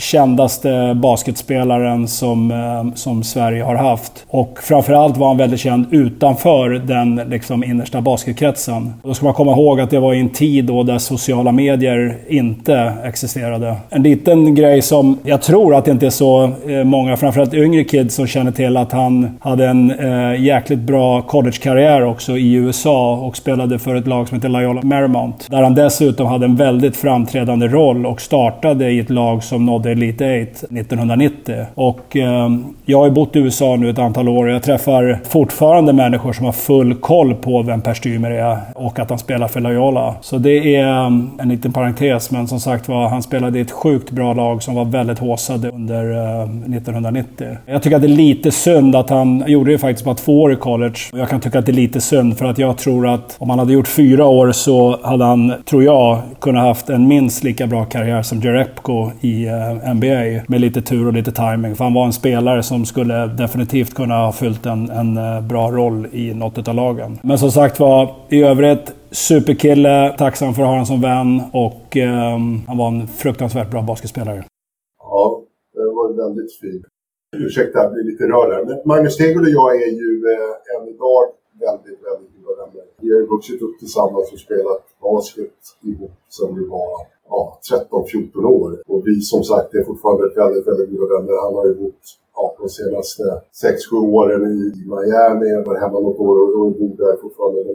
Mm. Det är väldigt, väldigt god vän. Det var väldigt, väldigt fint. Väldigt fint. Ja, verkligen. Ja, men det är kul tycker jag att liksom fånga upp lite sånt där. Ja, men jättefint och han har ju naturligtvis rätt i det. Jag gillade ju att tävla väldigt, väldigt mycket. Jag tror att jag älskade, alltså min drivkraft var väldigt ofta väldigt stark. Att inte förlora. Den känslan var nog starkare hos mig än att vilja vinna. Jag ville liksom inte förlora en viss skillnad på liksom känslan. Jag tror att de som har tävlat kan kanske känna igen sig lite grann. Men just det här att inte vilja förlora, det var en stark diktatur. mig. Ibland så tog det, precis som du säger då, så uttryck i att jag kunde vara lite sur. Och det tror jag var också en av de här sakerna som gjorde att jag, jag behövde det här lilla breaket från, från basket där i år. Att jag kände mig rätt sur och gnällig och inte så bra lagkompis och jag skyllde på andra. Och, ja, jag tog liksom inte mitt eget ansvar. Det kändes som att det blev mycket, mycket bättre när jag kom tillbaka till Sverige efter det här året. Mm. Men jag hade ett eh, friskt humör, både med gentemot medspelare och motspelare och, och, och domare. Så Ja. Nej, men jag, jag tyckte om att tävla och det, det märktes. Ja, 94-95 kom ju du som sagt tillbaka till basketligan och det var ju jättemånga som tyckte att du var bättre än någonsin. Mm. Något som många var förvånade över eftersom du precis haft ett år borta från basket. Mm. Vad tror du den stora anledningen var till att det gick så bra tror du? Nej, men jag tror just det. Dels att jag var mentalt väldigt hungrig på att spela basket igen. Mm. att jag hade fått min kropp som, som nog behövde vila ett tag. Jag hade fått lite andra perspektiv. Mm. Jag hade fått en bättre självbild om mig själv. Jag var en mycket, mycket bättre lagkamrat. Och sen så var jag också, kände jag lite mer fri i eh, hur jag spelade basket. Jag gjorde saker som jag inte hade gjort tidigare. Jag vågade göra andra saker. Ja, det var en helt annan glädje i eh, basketspelande. Mm. Det märktes. Ja, 94-95 har nog, kan nog ha varit en av mina bästa säsonger någonsin. Och du blev ju även årets MVP 95. Mm.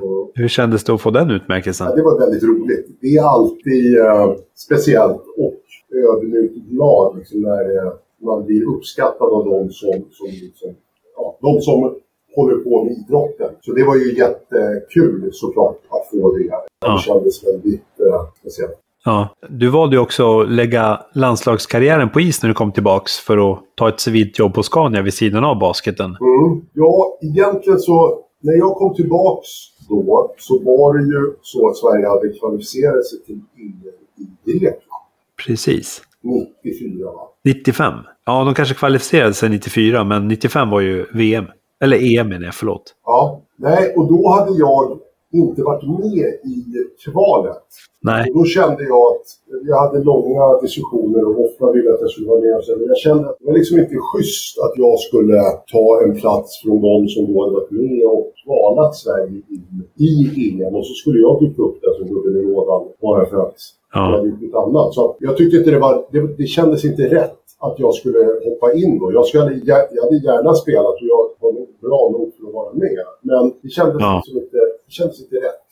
Nej. Också en, en, naturligtvis en fantastisk del i att jag kom tillbaks till SVT var ju också att jag genom de kontakter, de på Scania också fick chansen att parallellt med basketen också börja jobba där. Och det är ju, ja, inget ont om att vara med om ett EM. Det är ju någonting som man får med sig hela livet. Men ja, det har ju varit en livslång chans för mig att också så småningom flytta mig från idrotten in i ett annat liv som jag lever idag.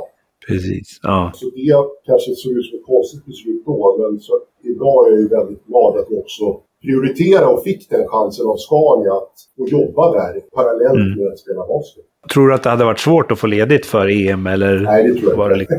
Nej, det hade det inte varit. Nej, så vi hade egentligen ingenting med varandra, utan det var mer en känsla att det kändes inte rätt. Nej, jag förstår. Sverige hade gjort ett fantastiskt enfart för att komma till EM i Grekland. Ja. Sen så gjorde man en, en ja. sådär turnering. Då. Men eh, man hade gjort ett enormt Ja, när man läser om dig så beskrivs du ju återkommande som en ledare på planen. Du har ju också utanför planen haft olika chefspositioner. Är du en naturlig ledare eller är det idrotten som har utvecklat dina ledaregenskaper tror du? Jag tror att jag har idrotten att tacka för väldigt mycket just när det kommer till ledarskap eller gruppdynamik vad man nu vill kalla det, att ta ansvar, ja, även i viss mån tävla, att försöka få en grupp att dra åt samma håll och få en grupp att prestera. Det tror jag att idrotten har lärt mig under många, många år, att det är väldigt svårt, det är inte så lätt, men att det verkligen går. Och det har jag väl tagit med mig sen senare då i, i civil. Jag tror också att genom idrotten också förstått att, ja, förstått väldigt mycket om grundförutsättningarna för, för ledarskap, vad som behövs för att motivera individer att prestera eller att få vilja jobba i grupp. Då. Och det är ju fortfarande än idag någonting som driver mig väldigt mycket. Jag är ju en väldigt grupporienterad människa och älskar att jobba i lag och med andra människor. Då. Det är kanske det som är den största behovet. Mm. Så idrotten har varit naturligtvis väldigt betydelsefull där och jag har ju också fått förmånen att vara på ett fantastiskt fint företag under en lång tid med lite avstickare i andra saker. Ja. Scania som är en arbetsgivare idag, det är ju ett, ett av Sveriges finaste industribolag och ja, hundraåriga traditioner och där har jag också fått förmånen att jobba med och under och bredvid otroligt många duktiga människor. Ja. 95-96 var det New Way Sharks. Och de vann ju mot er i finalen. För då, då kom ju ni tvåa i grundserien där, 95-96. Ja. 27 vinster och 11 förluster. Mm. Men i alla fall så, laget det var ungefär lika som året innan. Det var några tillskott. Ja, det var några tillskott. Det var lite andra amerikaner då, eh, som sagt. Precis. De eh, var där och det, det var ett Andre Foreman va? Andre Foreman är som var en, eh, ja, en skytt, skytt, slasher, en liten forward som var duktig i sina bästa stunder. Kanske lite ojämn, men en bra poänggörare. Ja. Så det var, det var ett bra lag. Men som sagt, mm. göteborgarna var lite bättre. Ja. I kvarten slår ni ut Alvik med 3-1 i matcher och sen möter ni Fyrishov Gators i semi ja. och där vinner ni med 3-0. Ja. Och sen blir det ju då New Wave Sharks. Ja, precis. Det var lite tråkigt för att jag har sett ett litet klipp från den här tiden och det verkar ju vara otroligt många Södertäljebor som fick vända för att det fanns inte tillräckligt med platser i hallen. Det var ju liksom lapp på luckan och för länge sedan. Och de säger i klippet också att de hade säkert kunnat sälja 6000 biljetter men det gick ju bara in 2000 i hallen. Ja, nej, men det var ett enormt tryck då. Mm. Vi hade som sagt haft en bra säsong. Jag vet inte hur det gick. Vi brukar också ha en viss betydelse det har gått för de andra stora lagen, SSK, om de var lite dåliga och de spelade samtidigt. Men det var ett jäkla tryck. Ja. Så det var fullt på till sista plats. Och eh, de matcherna och de stunderna man levde för, det är inte alltid så att det lappar upp i Täbyhallen i Södertälje, utan ofta så är det ju rätt luftigt där. Så det var fantastiskt roligt. Mm. Även fast resultatet inte blev så Men det var, det var magiskt. Ja, och Björn Borg liksom på, ja. på läktaren också. Häftigt. Björn Borg på läktaren som jag hade lärt känna då tidigare från där. Så det, men det, var, det var väldigt, väldigt roligt. Mm. Och som sagt, det var ju Jesse Salters och ja. Mattias Salström och Jonas Fredriksson och grabbarna som ni mötte där. Pekka Johansson, ja. Mm. Som än idag, även Fredriksson och Pekka Johansson, det har ju ett stort lass för basketen generellt i Sverige än idag. Mm. Och Mattias Sahlström då som var precis som han alltid var väldigt duktig. Ja, jag har hört att Jonas Fredriksson försökte dunka på dig också i den här finalserien. det kan jag säga, det är lögn. Ja, ja, det gick inte så bra. Du blockade sönder han. jag tror aldrig... I, alltså Jonas Fredriksson eh, var en väldigt duktig spelare, men spelet över ringen var väl aldrig någonting han var känd för. Eh, Nej. Så jag vet inte om han försökte... Han försökte, sa han, och så blockade du han. Ja, ja, då var han snäll mot sig själv. Jag har aldrig sett honom försöka dunka. Nej. Kanske någon gång under uppvärmningsled, men Ja, ja. Fredriksson kanske var på den tiden en av de bästa spelarna diagonalt. Så han hade ett enormt plikt i spelet. Mm. Duktig skytt och otroligt stark i sin position. Mm. Så han var ju fältherre av rang, men eh, han dunkade inte så ofta. Nej. Okej. Men vad skulle du säga var den bidragande orsaken till att ni inte vann SM-guld just det här året då? Nej, det var, jag tror det var, det, det var små marginaler. Jag som sagt var helt övertygad om att vi skulle vinna. Framförallt eftersom vi fick chansen att spela den avgörande matchen på hemmaplan. Och vi hade vunnit lätt eh, de andra matcherna. Jag har, inte tittat på alla de där matcherna. Jag har sett första finalmatchen där vi vinner. Mm. Ja, jag vi vinner 25 poäng eller vad det är. Men vi var inget bra den dagen. Och eh, de var mycket bättre. Så det, och de, det var inte så att skillnaden mellan lagen var... Det hade kunnat gått hur som helst. Men de, de var mycket bättre den dagen. Så det var liksom inget... Ja. Ja, det var inget snack om. Du sa ju i en intervju direkt efter matchen att du tyckte synd att inte hela laget steppade upp ordentligt när det väl gällde. Är det så du känner än idag eller var New Wave helt enkelt inte bättre? Eh, Jag var nog sur då och... jag var nog sur då och eh, igen, förväntan var ju guldfest och champagne men det blev eh, knäckebrödmacka och vispvatten. Så- Ni hade bokat, eh, hör, hörde jag också. Ja, ja, det. antagligen. Nej, men så, jag, jag var nog väldigt, väldigt besviken. Besviken på mig och säkert besviken på laget. Men Mm. det är ju sådär i där och då när det händer att då, är det en stor besvikelse. Får man lite perspektiv att titta på det där så var ju det helt solklart att de spelade mycket, mycket bättre än Mm. oss. Fredriksson hade en jättebra sista match. Mattias var alltid bra. Mm. Eh, Pekka styrde det där fint och deras amerikaner var superduktiga. Och vi spelade inte så bra som vi skulle. Nej. Du fick ju utmärkelsen Årets forward 96 Mm. och säsongen efter hamnade du i den franska storklubben SIG Strasbourg. Mm. Storklubben idag, inte då. Idag är, de, idag är ju det en storklubb. Det var inte riktigt likadant då. Nej, okej. Bara så att det är en skillnad på Sixtenskog idag och hur det var 96. Okej.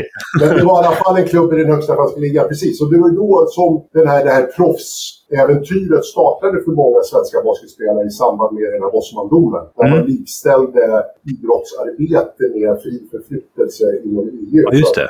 begränsningarna på spelare togs bort. Europeiska spelare idag. Precis, ni blev sedda som Europamedborgare och då Precis. kunde man ha fler. Ja, och då kunde vi tävla mot andra Europamedborgare om idrottsplatser snarare än att behöva tävla med de här två amerikanerna som alltid var bättre. Så då Ja. så åkte jag till Strasbourg, Mattias Ahlström åkte iväg, det var säkert andra som också åkte iväg och spelade proffsbasket. För mig blev det då Strasbourg i Frankrike. Ja. Hur var det att bo i nordöstra Frankrike då? Strasbourg är en jättefin stad. I Alsace, gränslandet mellan eh, Tyskland och Frankrike, vinterritorium. Ja, nej, men det är ja, en, en historisk stad med eh, naturligtvis också rötter i ena delen av EU-organisationen i Strasbourg. Så det var, det var jättefint, jättefint. Ja, det var en jättefin stad. Det är en jättefin stad.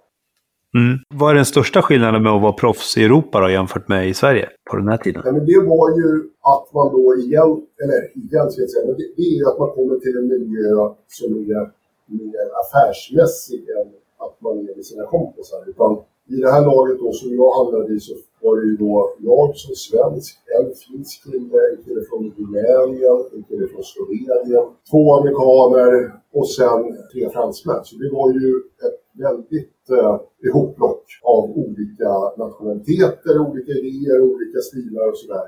Ja. Så det var ju väldigt annorlunda. Mm. Och mer, ja, vad ska man kalla det, mer affär än att lira med kompisgänget.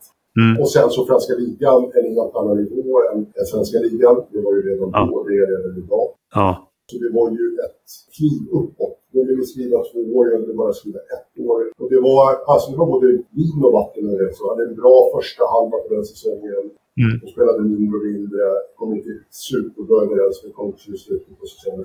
Så det, var, ja, det var intressant, kul, lärorikt, jobbigt, var varje ibland. Men det, är som det är när det blir på ett helt annat sätt eh, proffsigt och förväntningarna på prestation höjs. Mm. Ja, du stannade ju bara en säsong som sagt och kritade sen på ytterligare en säsong för Södertälje. Vad var det som fick dig att komma tillbaka till den svenska basketligan och SPBK? Nej, men då var det så att, som du nämnde tidigare, jag hade ju fått chansen att när jag kom hem från USA då, 94, att börja jobba på Scania. Mm. Och det hade jag gjort under de här åren i Södertälje. Så när jag då fick den här chansen att spela proffs i Frankrike så fick jag ta tjänstledigt från Scania. Och då sa Scania, vi kan ge dig tjänstledigt. Ah, Men om du väljer att vara tjänstledig längre, då kan du ta kvar anställning hos oss. okej. fick mig till att skriva ett ettårskontrakt och inte två år för att jag... Det här är ju då 96. Jag är 29 år gammal. Jag tycker fortfarande att jag är en duktig och bra basketspelare. Men jag var inte beredd att släppa eh, den här chansen eller tryggheten att ha en anställning på Scania. Jag förstår. Så då så ville jag börja skriva, så skrev jag bara ett ettårskontrakt. Och Mm. i slutet av det, jag hade säkert kunnat stanna kvar och spela någon annanstans, men det kändes lite för eh, osäkert. Så då valde jag att flytta tillbaks till Södertälje, Mm. vilket än en gång var ett, ett väldigt bra beslut. Även om jag var på väg faktiskt också till, till Plannja eh, och var väldigt Mhm. nära att flytta dit. Okej. Men det blev Södertälje till slut i alla fall. Ja. Så var det ett bra att säga, livsbeslut för mig och som än en gång har liksom bäddat för, för det som har hänt efter jag slutade spela basket. Ja, jag förstår. Men du hade erbjudanden från andra europeiska klubbar också, eller? Min agent var ju, som tror jag var agent för alla oss svenskar då, Kenny Grant Senior.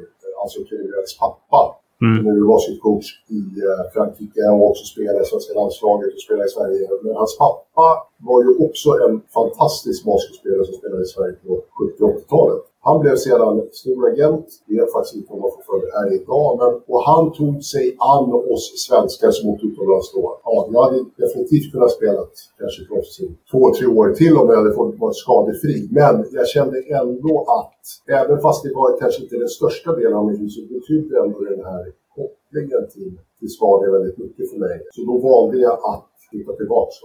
Ja. Och, och då när jag kom tillbaka så var det väl, ja jag skulle egentligen spela för Plannja, men nu blev det inte så. Utan eh, jag hade långt gångna diskussioner med vår säsong som eh, var fantastisk på alla sätt och föreningen var fantastisk på alla sätt. Men till slut så blev det i alla fall Södertälje. ja. Så eh, ja, Men eh, säsongen 97-98 då så, så blev det ju SPBK igen och eh, minns du lite hur truppen såg ut? Ja, väldigt lite. Ja. 97-98, vilka hade vi då? Eh, ja. Jag tänker i alla fall, vi ska lyssna lite på en eh, lagkamrat från den här Ja. tiden. ja, Kommer här, vänta. ja, Året 1997. Jag signade med Södertälje Kings. Jag hade precis gått ettan på gymnasiet på Sanda. Fick erbjudande att, att uh, signa med Södertälje. När jag gjorde det så började man kolla laget som de hade. I mina ögon kanske ett av de bästa, om inte den bästa på pappret. Laget som jag är medveten om. Uh, otroligt starka spelare, men det var ju såklart ett namn som verkligen stack ut och det, det var ju Per Stymer. Per var ju en spelare som vi alla, alla såg upp till. Både av respekt men också att han, alltså han kunde ju vara rätt avskräckande med sin fysik och sin charmiga basröst. Så han, han var ju definitivt, speciellt för en 17-åring. Och jag hade ju också byggt upp en otrolig bild av honom. Om jag får backa bandet lite grann. 1990, jag är 10 år, bor i Los Angeles. Jag och min farsa var på en hel del college-matcher. Jag kommer ihåg han kommer hem en dag och han bara du vi ska gå och se, vi ska gå och se USAs mest underhållande college-lag. Loyola Marymount. Med Hank Adders och Bo Kimbo och, och gänget. Och kommer dit och, och sen mitt under matchen säger han så här. Du vet att de har en svensk som spelar för dem.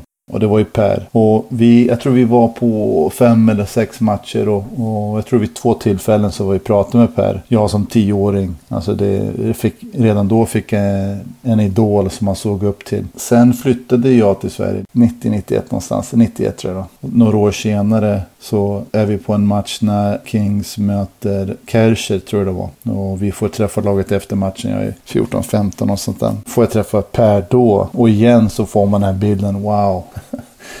Vilken man! Alltså den fysiken, han, hur han spelade, det var tufft och han var fysisk, han, han spelade i ringen och ja, men det var, han var ju så sjukt imponerande, lite avskräckande. Så nu när jag signar mitt kontrakt så kan ni tänka, jag, jag har ju byggt upp en, en bild av att en, det här är en, en person, en, en ikon, en legend som, som man inte ens vågar nästan snacka med. Så att jag var ju definitivt orolig hur det bemötandet skulle vara. Nu hade jag gått från en liten pojke och nu skulle jag spela med honom, det ansvaret. Och när jag började Södertälje, tanken var inte att jag skulle hoppa in i Kings direkt. Utan tanken var att jag skulle träna med dem och sen komma in sakta och försiktigt. Men, men sen gick det ju rätt bra och det öppnades lite möjlighet för mig att, att hoppa in och, och göra några inhopp. Sen blev det mer kontinuerligt. Och som 17-åring under den tiden, det var inte alltid lätt. Uh, sitta i ett omklädningsrum med män gå i skolan med folk i sin ålder och sen gå och träna med folk som var 10-13 år äldre. Det var en omställning för mig som jag var inte redo för eh, mentalt och socialt. Och, och sen tänker man ju då under den här tiden, slutet av 90-talet, hur det kan vara då om man får dra fördomar. Jag kan säga så här att Per Stymer var den mest ödmjuka, den snällaste, den mest omhändertagande lagkamraten som jag kanske någonsin haft. Han tog mig under sin vinge. Han beskyddade mig, han hjälpte mig. Han var den personen som man verkligen såg upp till och, och gör än idag på grund av den tiden. På grund av mitt år i Södertälje så kommer jag alltid vara tacksam för det han gjorde för mig. De lärdomar jag fick av honom, hur det är att verkligen vara en ledare, att vara en kapten, att vara en veteran i ett lag med en rookie eller med yngre. Hur han spelar på plan, hur han betedde sig utanför plan. Han gjorde alltid rätt för sig. Och jag, jag har bara gott att säga om honom. Det leendet som man ser är så äkta som det kan vara. Och jag har inget annat än kärlek för Per. Så jag är så glad för honom och, och den framgång han har haft i livet. Han förtjänar allt och mycket mer. Så att jag är, jag är lycklig att kunna kalla honom en vän. Och jag är tacksam att jag fick spela med honom som en lagkamrat. Ja, otroligt. Otroligt fint. Ja. ja. ja, det var ju... Ja. Årets rookie det året. Mm. Nej, men det starkaste minnet av Andrew, förutom att han var ung då, jag uppfattade honom aldrig som... Ja, han var ju en ung och ny spelare, men jag, jag uppfattade inte honom som en, liksom en 17-åring. Men däremot hade Andrew en otroligt engagerad pappa. Och det var ju pappan som jag hade träffat, och minnen av att träffat under tidigare var att spelade college. Mm. Inte riktigt lika starka minnen att så många stod bredvid, men det gjorde han säkert. Ja. Och det var rätt speciellt att Andrew hade en engagerad, duktig basketpappa som jag tror också har varit basketcoach. Som var mm. nästan alltid på alla träningar. Ja. Naturligtvis eftersom han hade sin unga son där och, och kände ett ansvar för det. Mm. Men jag tror att det uppfattades av många som väldigt speciellt att pappan var så nära och jag ska inte säga att han stod på läktaren och coachade Andrew, men han, han hade ett vakande öga. Ja. Det uppfattade många som rätt speciellt och, och annorlunda eftersom det var ju inte mycket föräldrar på träningen. Men jag uppfattade alltid det, alltid det som någonting fint.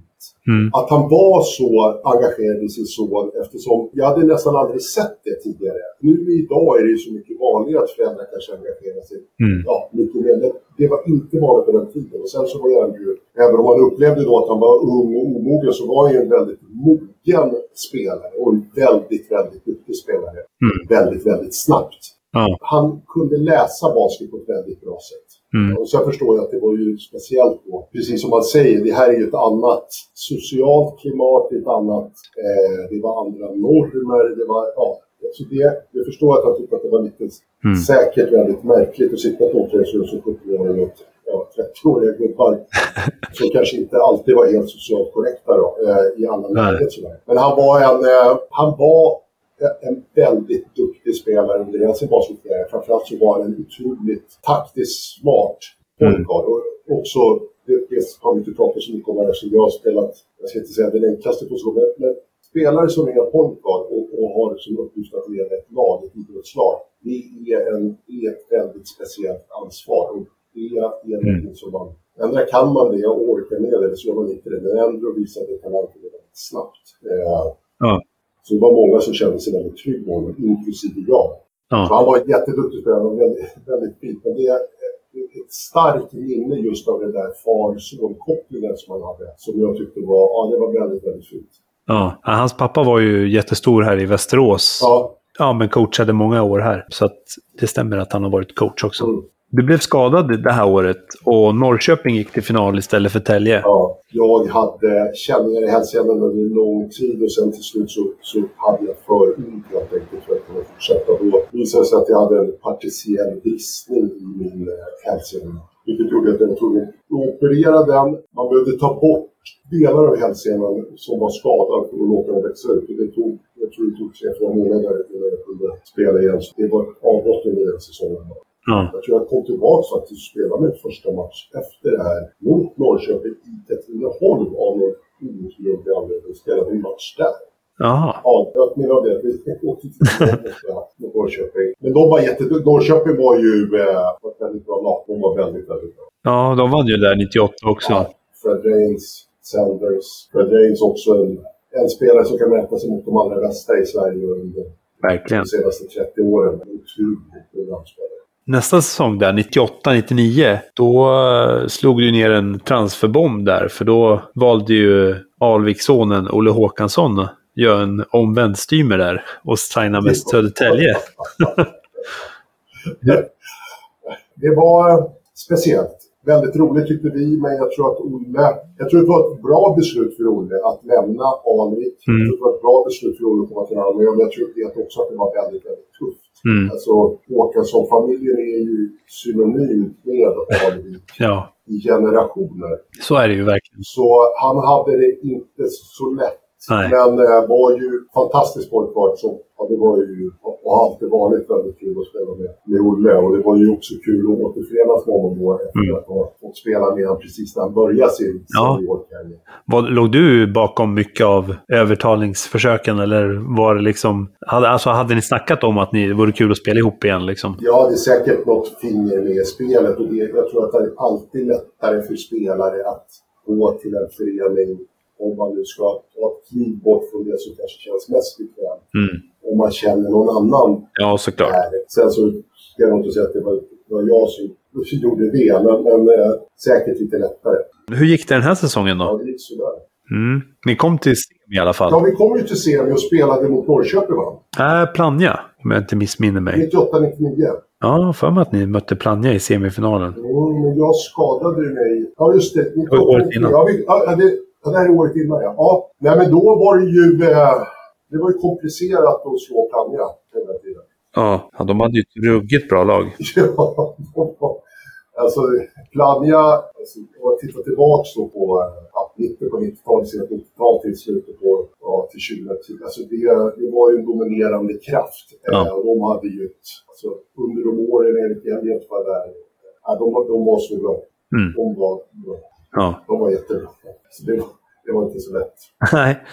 Nej, de var ju sitt andra guld där 99. Ja, det var ett, var ett stjärnspäckat gäng. Mm. Alltså från plats 1 till 10. De, de var väldigt, väldigt breda. Bra rutin, bra, bra komponerat och mycket spelare som hade varit där under längre tid. Så det, de var jätte, jättebra. Ja. Säsongen efter där så gör ju du din näst sista säsong. Och Och, då var det ju basketfeber i Sverige igen. För då var ju Irvin Magic Johnson tillbaks på planen och spelade för Magic M7. ja, Jag minns själv att jag satt och kollade på tv när han lirade och det var ju liksom häftigaste man hade sett. Liksom. Man, man kunde knappt tro att det var sant. Vad minns du från den här säsongen? ja, det var naturligtvis speciellt och roligt att en av världens mest kända basketspelare helt plötsligt valde att dyka upp i Sverige för att spela basket. Samtidigt så kändes det också lite, ja det kändes ju också lite konstigt sådär på många olika sätt. Det gav ju ett lyft. Jag var själv i Globen och tittade och spelade mot några Ahlvik och spelade mot där. Mm.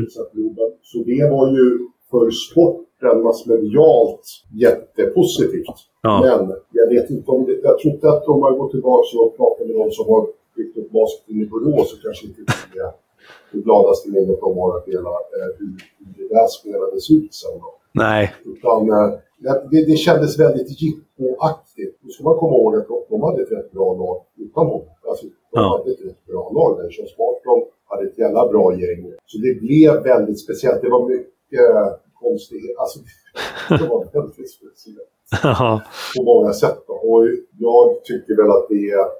Ja, vi har ju haft andra exempel när Scottie Pippen gick ut i Sundsvall och vidare. Ja. Så det, det är på något sätt också, tycker jag, fint att när man kommer ihåg idrottsmän och idrottare så är det fint att komma ihåg dem för när de var det på riktigt. Inte när de försöker hålla sig kvar i kanske någonting som de borde ha lämnat för länge sedan. Ja. Alltså, ja.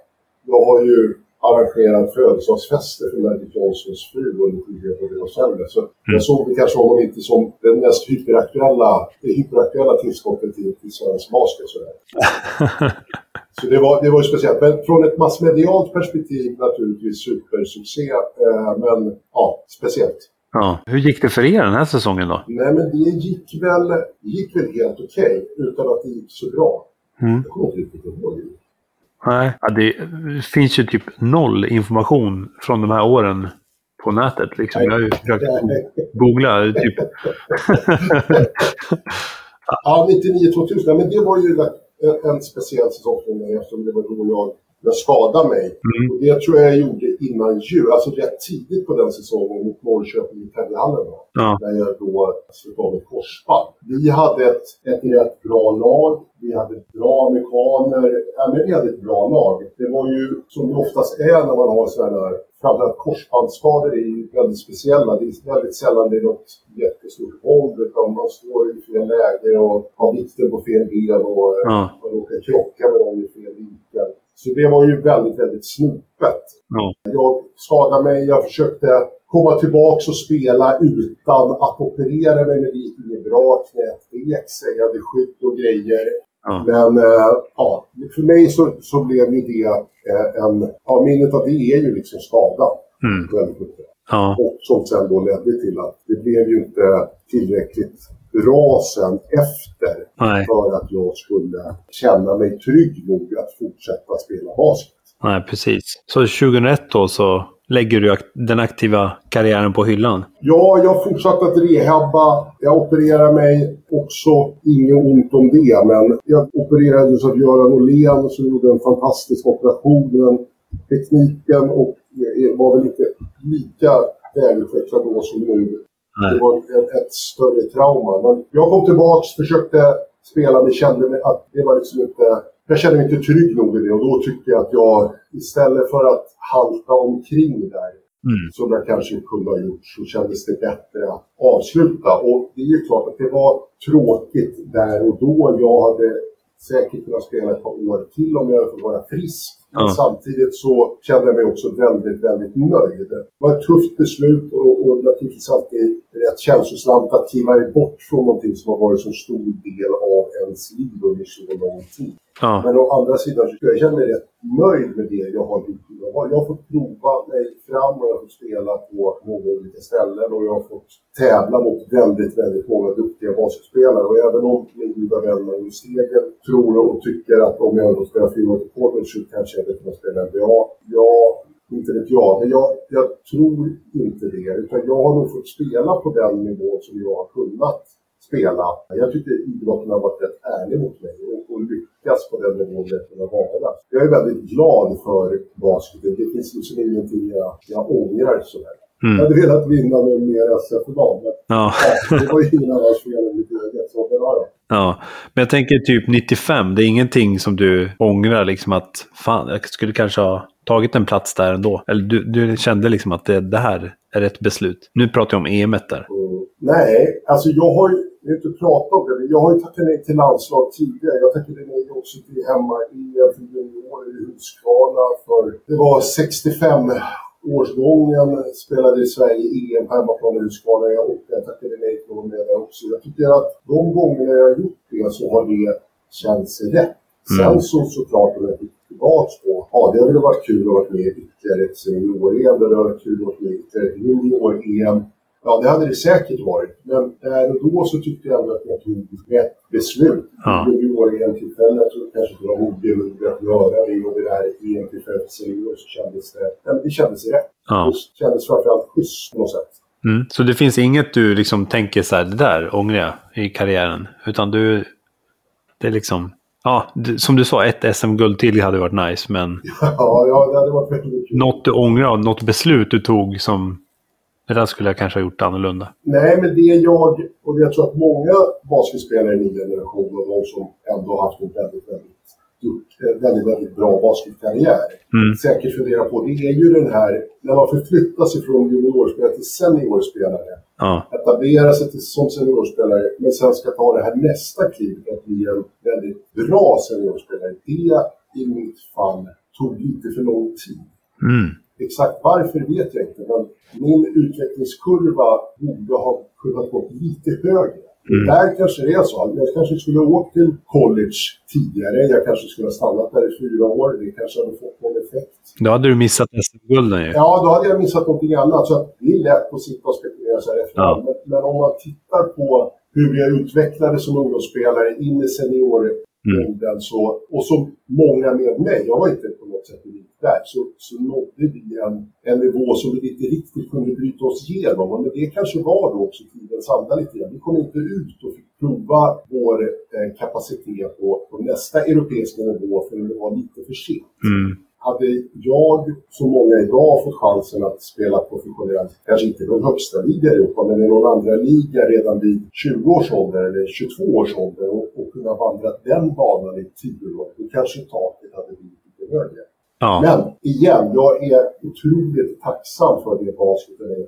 Jag ser tillbaks på basketen med ett stort leende. Jag har ingenting, det finns liksom ingenting som jag är sur på. Jag kan raljera om att det vore kul att göra, men det finns liksom ingenting. Utan jag, jag gjorde så bra jag kunde med de förutsättningar jag hade så ofta som möjligt. Så det, det är bara glädje liksom. Jag, basketen är min, sport och den, den har gett mig så mycket annat. Så den, jag har Ja. väldigt mycket. Tror du att karriären hade kunnat bli längre med dagens kunskap kring skador och rehabilitering? Absolut. Ja. ja, ja. Nej, men man får ju komma ihåg det också att vi var ju i en era när mycket av den träning som bedrivs idag inte fanns. Ja. Alltså prehab eller rehab eller systematisk styrketräning grenspecifikt för den idrott du skulle på med. Det, det, det fanns inte. Nej. Vi hade ett gym i Täljehallen som var 12 kvadratmeter där det fanns en bänk och någon liksom ryggmaskin. Mm. Och sen så var det någon som låste upp och sa varsågod, Ja. lycka till. Man skulle inte vara så stark på den tiden heller va? Man skulle vara smidig och snabb. Eller? Alltså det fanns ingen idealbild på det sättet. Nej. Det som man skulle vara var lång. Ja, det, det, man var ju så lång som man var. Ja, för jag har hört jättemånga prata om det, att man inte skulle styrketräna. Att det var liksom någonting man inte rekommenderade. Typ. Nej, och det tror jag också var för att det, det fanns liksom ingen, det fanns inte den kompetensen. Den okej. kunskaperna. Föreningarna hade liksom ingen, de hade ingen expert på styrketräning utan då fick kanske coachen hade någon erfarenhet av det eller någon äldre spelare. Så det var ju liksom lite mer att man körde med varandra. Sen så fick ju vi stöd och hjälp, men då var det av de som mycket med tyngdlyftning Mm. andra sådana här saker. Mm. Idag med den kunskapen man har om hur man ska träna och framförallt hur man ska ta hand om kroppen Mm. emellan träningar så är ju det någonting som förlänger en idrottare oavsett idrott. Absolut. Att hålla på i ja, ytterligare 5 till 10 år. Ja, så är det ju verkligen. Givet då att man får hålla sig frisk. För det är Mm. det som är. Jag hade ju liksom, jag hade min korsbandsskada som var, eller min, min, min hälseneskada som var hyfsat allvarlig och sen så korsband. Mm. Så det är ju också en sån här sak, ska man hålla på tills man är 35 då, då är det nog bra om man är, är relativt skadefri. Ja. Det där är ju. Mm. Jag tror att dagens idrottare, de som tidigt gör det till sitt yrke, har en mycket, mycket bättre förståelse om, och det finns mycket mer eh, kompetent personal och träning att ta, till sig om hur man ska förvalta sin kropp, sitt, sitt redskap. Ja. Men efter att du la skorna på hyllan så valde du sen att coacha lite tillsammans med Jonte Karlsson säsongen 2001-2002. Vad minns du av den här erfarenheten? Jag skulle inte säga att jag valde att göra det, utan jag hade valt att engagera mig i klubben då. Jag var sportsligt ansvarig från styrelsen för, för det här laget. Och Mm. vi kom i en situation där vi behövde byta coach. Ja. Och då så kom Jonte Karlsson tillbaka och då ville han ha mig som assistant coach. Ja, ja. Och då sa jag ja. Mm. Det var en, fantastisk upplevelse. Jag har ju aldrig coachat och är inte kompetent heller att coacha på den nivån. Så det var ju jättekul att vara assistant coach till Jonte. Vi tog ett lag som var väldigt sargat och hade dåligt självförtroende och gick sen till final och förlorade som vanligt. Tänkte jag säga. Även fast man inte fick med och tävla. Men det var jättekul. Det var en jättestor upplevelse. Jag har aldrig eh, dragits åt att bli coach. Utan jag, har, jag kände mig väldigt färdig med så att säga, basketen när jag var klar. Ja. Jag var väldigt glad för den tiden för att spela basket. Men sen när det var klart, då kände jag mig väldigt, väldigt färdig med det. Förstår. Så det var nog mer en, ja som sagt, jag valde inte att coacha utan jag blev indragen i det för jag hade ansvar mot den föreningen som jag försökte hjälpa. Så, så det, det stämmer.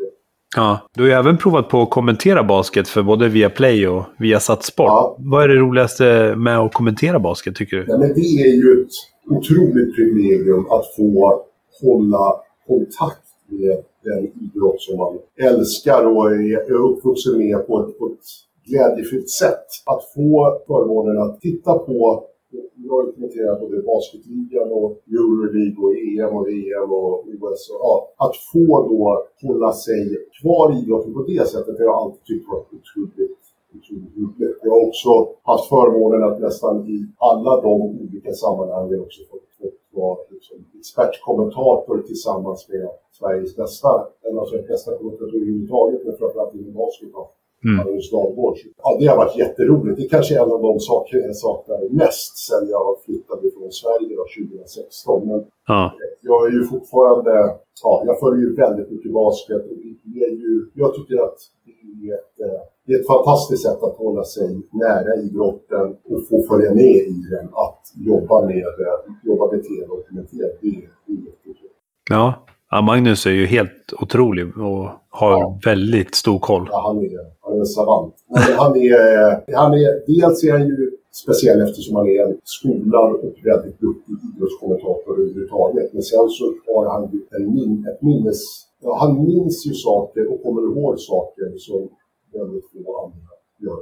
Eh, om allt. Om basket specifikt. Så han, nej, men det, det har varit... Det, det var väldigt, väldigt roligt. Mm. Eh, 2005 så blir du tillsammans med övriga lagkamrater på LMU invalda i Loyola Marmounts egna Hall of Fame. Mm. Du var väl där under ceremonin va? Jajamensan.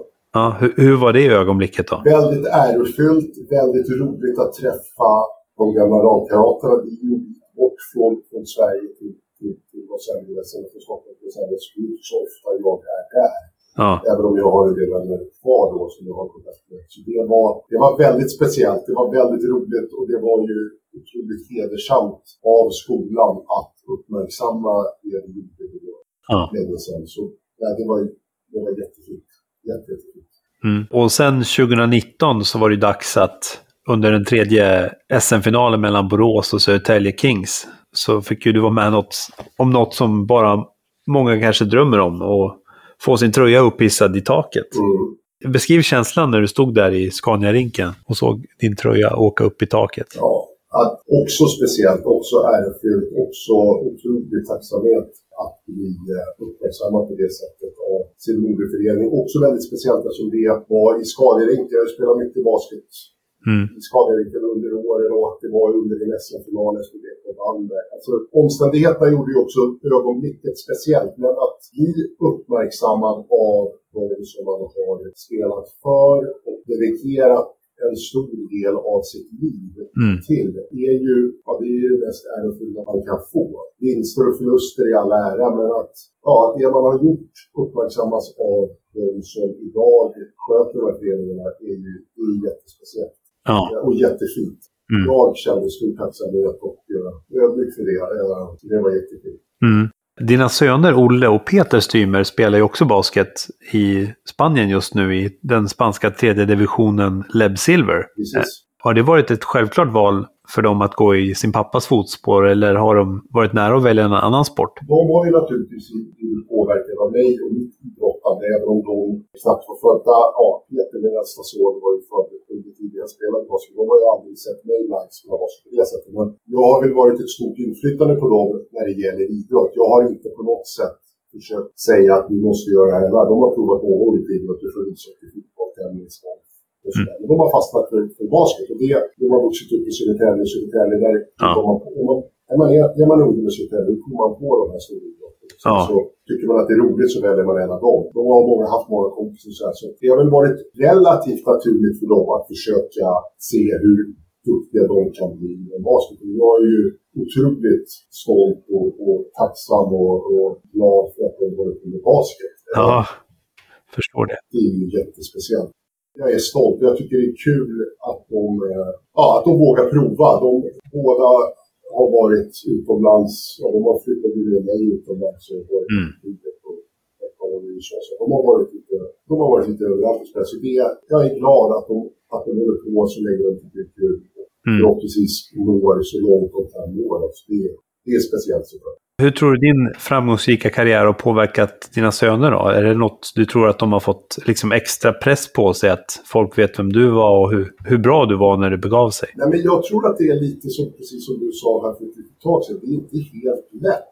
De vet ju att jag spelar basket. Ja. Jag har ju berättat min historia för dem och det finns ju eh, möjlighet att titta på olika saker. Men eftersom det inte är helt lätt att hitta all information om den här eran. Nej, det är sant. Jag hoppas ju verkligen inte att det påverkar dem på det sättet. Jag hoppas att det har påverkat dem att jag har under deras yngre år kunnat Mm. ledsaga dem Ja. på ett, på ett bra sätt. Mm. Men där de är idag, Peter har precis fyllt 24, Olle kommer fylla 23 här, så är ju de, de är ju förbi det. De är ju sina egna individer och får Ja. ta eget ansvar och egna beslut och sådär. Jag, jag är ju hellre pappa än basketkonsulent. Alltså, ja, jag fattar. jag, jag, jag, vill vara pappa åt dem och sen så är jag Mm. pappa åt dem oavsett vad de gör. Såklart så tycker jag ja, det är otroligt fint och otroligt roligt att titta Ja. på basket. Ja. Det finns.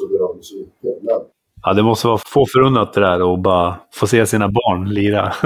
ja, än en gång, de, de, de är sina egna basketindivider. Jag hoppas verkligen inte att, och det vet jag, de, de, tycker det är kul att jag spelar basket. Men det är deras och där, där har de eh, ja, sin framtid i sin. Och jag, jag stöttar dem och försöker vara så bra pappa som möjligt. Mm. Herrlandslaget tar ju steg eh, och där är ju alla eniga. Men vad tror du krävs för att Sveriges herrlandslag faktiskt ska kvalificera sig till mästerskap och inte bara samla på sig hedersamma förluster i kvalspelet? Ja, det är en jättebra fråga. Nej, men jag tror att om man hade ett, ett entydigt och klart svar på vad, vad det beror på, då, då, då skulle jag nog försökt berätta det för de som bestämmer över den svenska basketen. Men det, det har jag inte.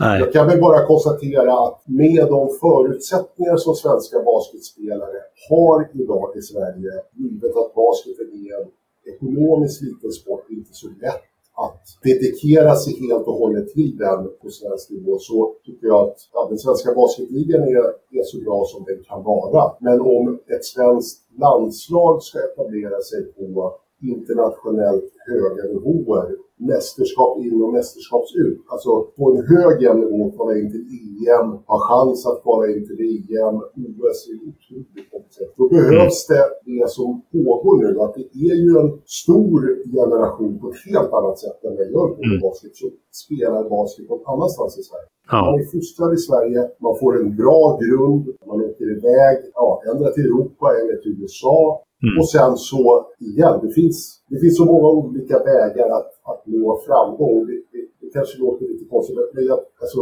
ingen ont om den svenska basketligan. Det går att bli en jättebra basketspelare i svenska basketligan. Och det är ju bevisligen så att det är väldigt många basketligaspelare som spelar i svenska landslaget. Mm. Men ska man ta nästa nivå så att man ska bära svenska landslaget till internationella framgångar, då tror jag att det är svårt att kombinera med sin hemvist i basketligan som det ser ut idag. Det hade ju varit fantastiskt om det var så, men Ja. jag tror att, som vi ser då, de bärande spelarna i svenska basketligan idag, de, de bedriver ju sitt dagliga verk utanför Sveriges gränser. Mm. Det gör det väldigt, väldigt framgångsrikt. Så att Ja. det är en fråga om lite tur och timing. Det vore väl jättekul om det dök upp en Dirk Nowitzki som var svensk eller eh, ja, någon sån där en Absolut. exceptionell spelare som, som kan hjälpa Sverige till nästa år. Ja. Vi får väl se. Det finns många, otroligt många unga talangfulla. Men Ja, det gör det verkligen. förvandla det från talang till någonting annat. Och det är, det är, det är inte lätt. Är. Ja, nej, det, är, det är tufft. Alltså det ju det har hänt en hel del sedan jag spelade med landslaget träningsmatch med Turkiet i Åkersåshallen. Hur Turkiets landslag ser ut idag kontra hur det var då. Ja. Eh, alltså alla länder har tagit enormt stora steg och det som skulle behövas för svensk klubbasket framförallt är ju att på ett eller annat sätt att man ger bättre förutsättningar för de svenska spelarna, de svenska tränarna de svenska domarna att bli mer professionella i sitt utövande. Det, det, är, det är som allting annat. Alltså, man behöver kunna utveckla sig själv i en miljö där man känner sig trygg och man får kompensation för det man gör så man kan ja, förkovra sig ännu mer. Och där, den mängden av de som har de förutsättningarna i Sverige är liksom för liten. Pyramiden är för smal. Den behöver bli bredare, att flera får chansen att gå längre. Då kommer utvecklingen bli bättre. Ja. Vad har du för tips då till nästa generations unga spelare? Vad, hur ska de göra för att lyckas bli basketproffs och kunna leva på sin idrott? Än en gång, det är det som är en tjusning. Det finns inte en väg eller två vägar. Det finns tio olika vägar. Men det som behövs är ju att dels att man har ett inre driv och man tycker det är väldigt, väldigt roligt med det man gör. Och också att man får ett tidigt bra ledarskap. Att man får en chans att ha en tränare, en vuxen som kan hjälpa en att navigera. Men till syvende och sist är det ju det här drivet hos individen som kommer tillsammans med de får också förutsättningar att utvecklas och göra om det går bra. Så tittar vi på de som är bäst idag, vi kan ta Ludde Håkansson, han åkte iväg till Spanien när han var 15. Det är ett sätt att göra. Kan titta på Tobias Borg, han stannade kvar i Sverige väldigt länge. Eller för övrigt. Mm. Åkte iväg senare. De är också fantastiska basketspelare. Mm. Titta på Jonas Jerebko som eh, startade väldigt sent. Ja, Taylor. Det, det finns massa olika vägar med alla de här spelarna. Om man den gröna tråden eh, hos ja, Melvin Pansa för den delen. Så, så är det ju att de har, de har en enorm dedikering till det de gör. Och de har offrat väldigt mycket och de har fått hjälp av otroligt duktiga och bra ledare Mm. under den här resan. Och alla de sakerna behövs i en mix för att det ska till slut bli bra. Det kanske inte blir bra nog ändå, men man ger sig själv chansen att det blir så bra som möjligt. Ja. Är det någonting som du tycker att vi har missat eller är det något du skulle vilja berätta för våra lyssnare? Tittar jag på min skärm och så står det att jag pratar i tre 44 minuter. Jag jag nej, men, nej, men jag tycker naturligtvis, det är ju är det är väldigt kul att, att få prata med dig eh, och den här podden och ja, lägga ut texten lite om min basketbakgrund och, och mina basketerfarenheter och, och Mm. reflektera över, över. Det är väl en sak som kanske svensk basket, om jag jämför med, ja, jag har ju spenderat mycket tid sedan 2016, jag bor ju sedan 2016 till. Jag har ju spenderat mycket tid i andra länder. Det som man kan ibland fundera på lite med, med svensk baskets historik är att den kanske inte är, den är inte så visualiserad. Det finns vissa föreningar, jag tror Svenska Basketförbundet också har gjort ansatser till att synliggöra den historik man har. Men jag tror att tradition, jag tror att det skulle vara bra för svensk basket att ha en lite större och starkare, tryggare tradition att stå på Mm. kontra att varenda tioårsperiod att man uppfyller JBTG. Jag tror att det finns otroligt, eller det finns otroligt mycket eh, engagerade basketmänniskor och, och otroligt duktiga och kompetenta basketledare. Men Jag tror att också idrotten som sådan och alla som har varit involverade, och hållit på med det, om det är på motionsnivå eller man spelade som ungdomsspelare eller om man har varit funktionär. Man vill ju kunna se och känna sig stolt över sin idrott. Där ibland så, så, så är vi kanske inte så stolta som vi kanske borde vara i Sverige. Nej. Över vår svenska basket som andra länder över sin basket. Mm. Det, det, det kan jag väl konstatera. Det håller jag verkligen med dig om. att Det märker jag ofta att folk är ju livrädda för att prata typ. Och ja, men, anses vara för skrytiga kanske. Jag tycker som du, man- man borde vara stolt över det man har åstadkommit och Ja, vilja berätta. Jag tror att också att, ja, att, att ha en, en historiebeskrivning om en idrott som har funnits i Sverige sedan Mm. efterkrigstiden är ju inte en ansats till att en individ eller en generation ska skryta om vad de har gjort kontra eller jämfört med någon annan. Utan den ska finnas beskriven på ett korrekt mm. sätt. 100%. Ja, inte att det är bättre eller sämre eller vi var bra och vi var dåliga eller det var bättre förr och nu är det. Det är inte det, utan att det finns en historiebeskrivning över idrotten som har utövats i Sverige under lång tid. För andra att, om man vill ta del av. Det tror jag skulle hjälpa unga människor som idag är mycket mer, ja, man har lättare till information än vad vi hade då när vi fick gå till Uppstartsverket mm. i Mexiko för att se vad som händer. Men, men där, där tror jag att det skulle kunna bli bättre. Och det tror jag att många, det skulle nog många uppskatta. Ja. ja, verkligen. Det håller jag nog verkligen med dig om. att det skulle, jag skulle tycka det var skitkul att läsa på mer om, om tidigare spelare och sådär. Och sen så vill jag passa på då innan vi, vi avslutar här ja, fantastiskt fint av eh, Magnus Stegel och Andrew här att säga de här otroligt fina orden. Och, och, det är väl egentligen, det betyder ju mycket, mycket mer än en vunnen match eller ett vunnet SM eller en slukad fot eller vad det nu är. I slutändan är det ju hur andra upplever en under den tiden man är på.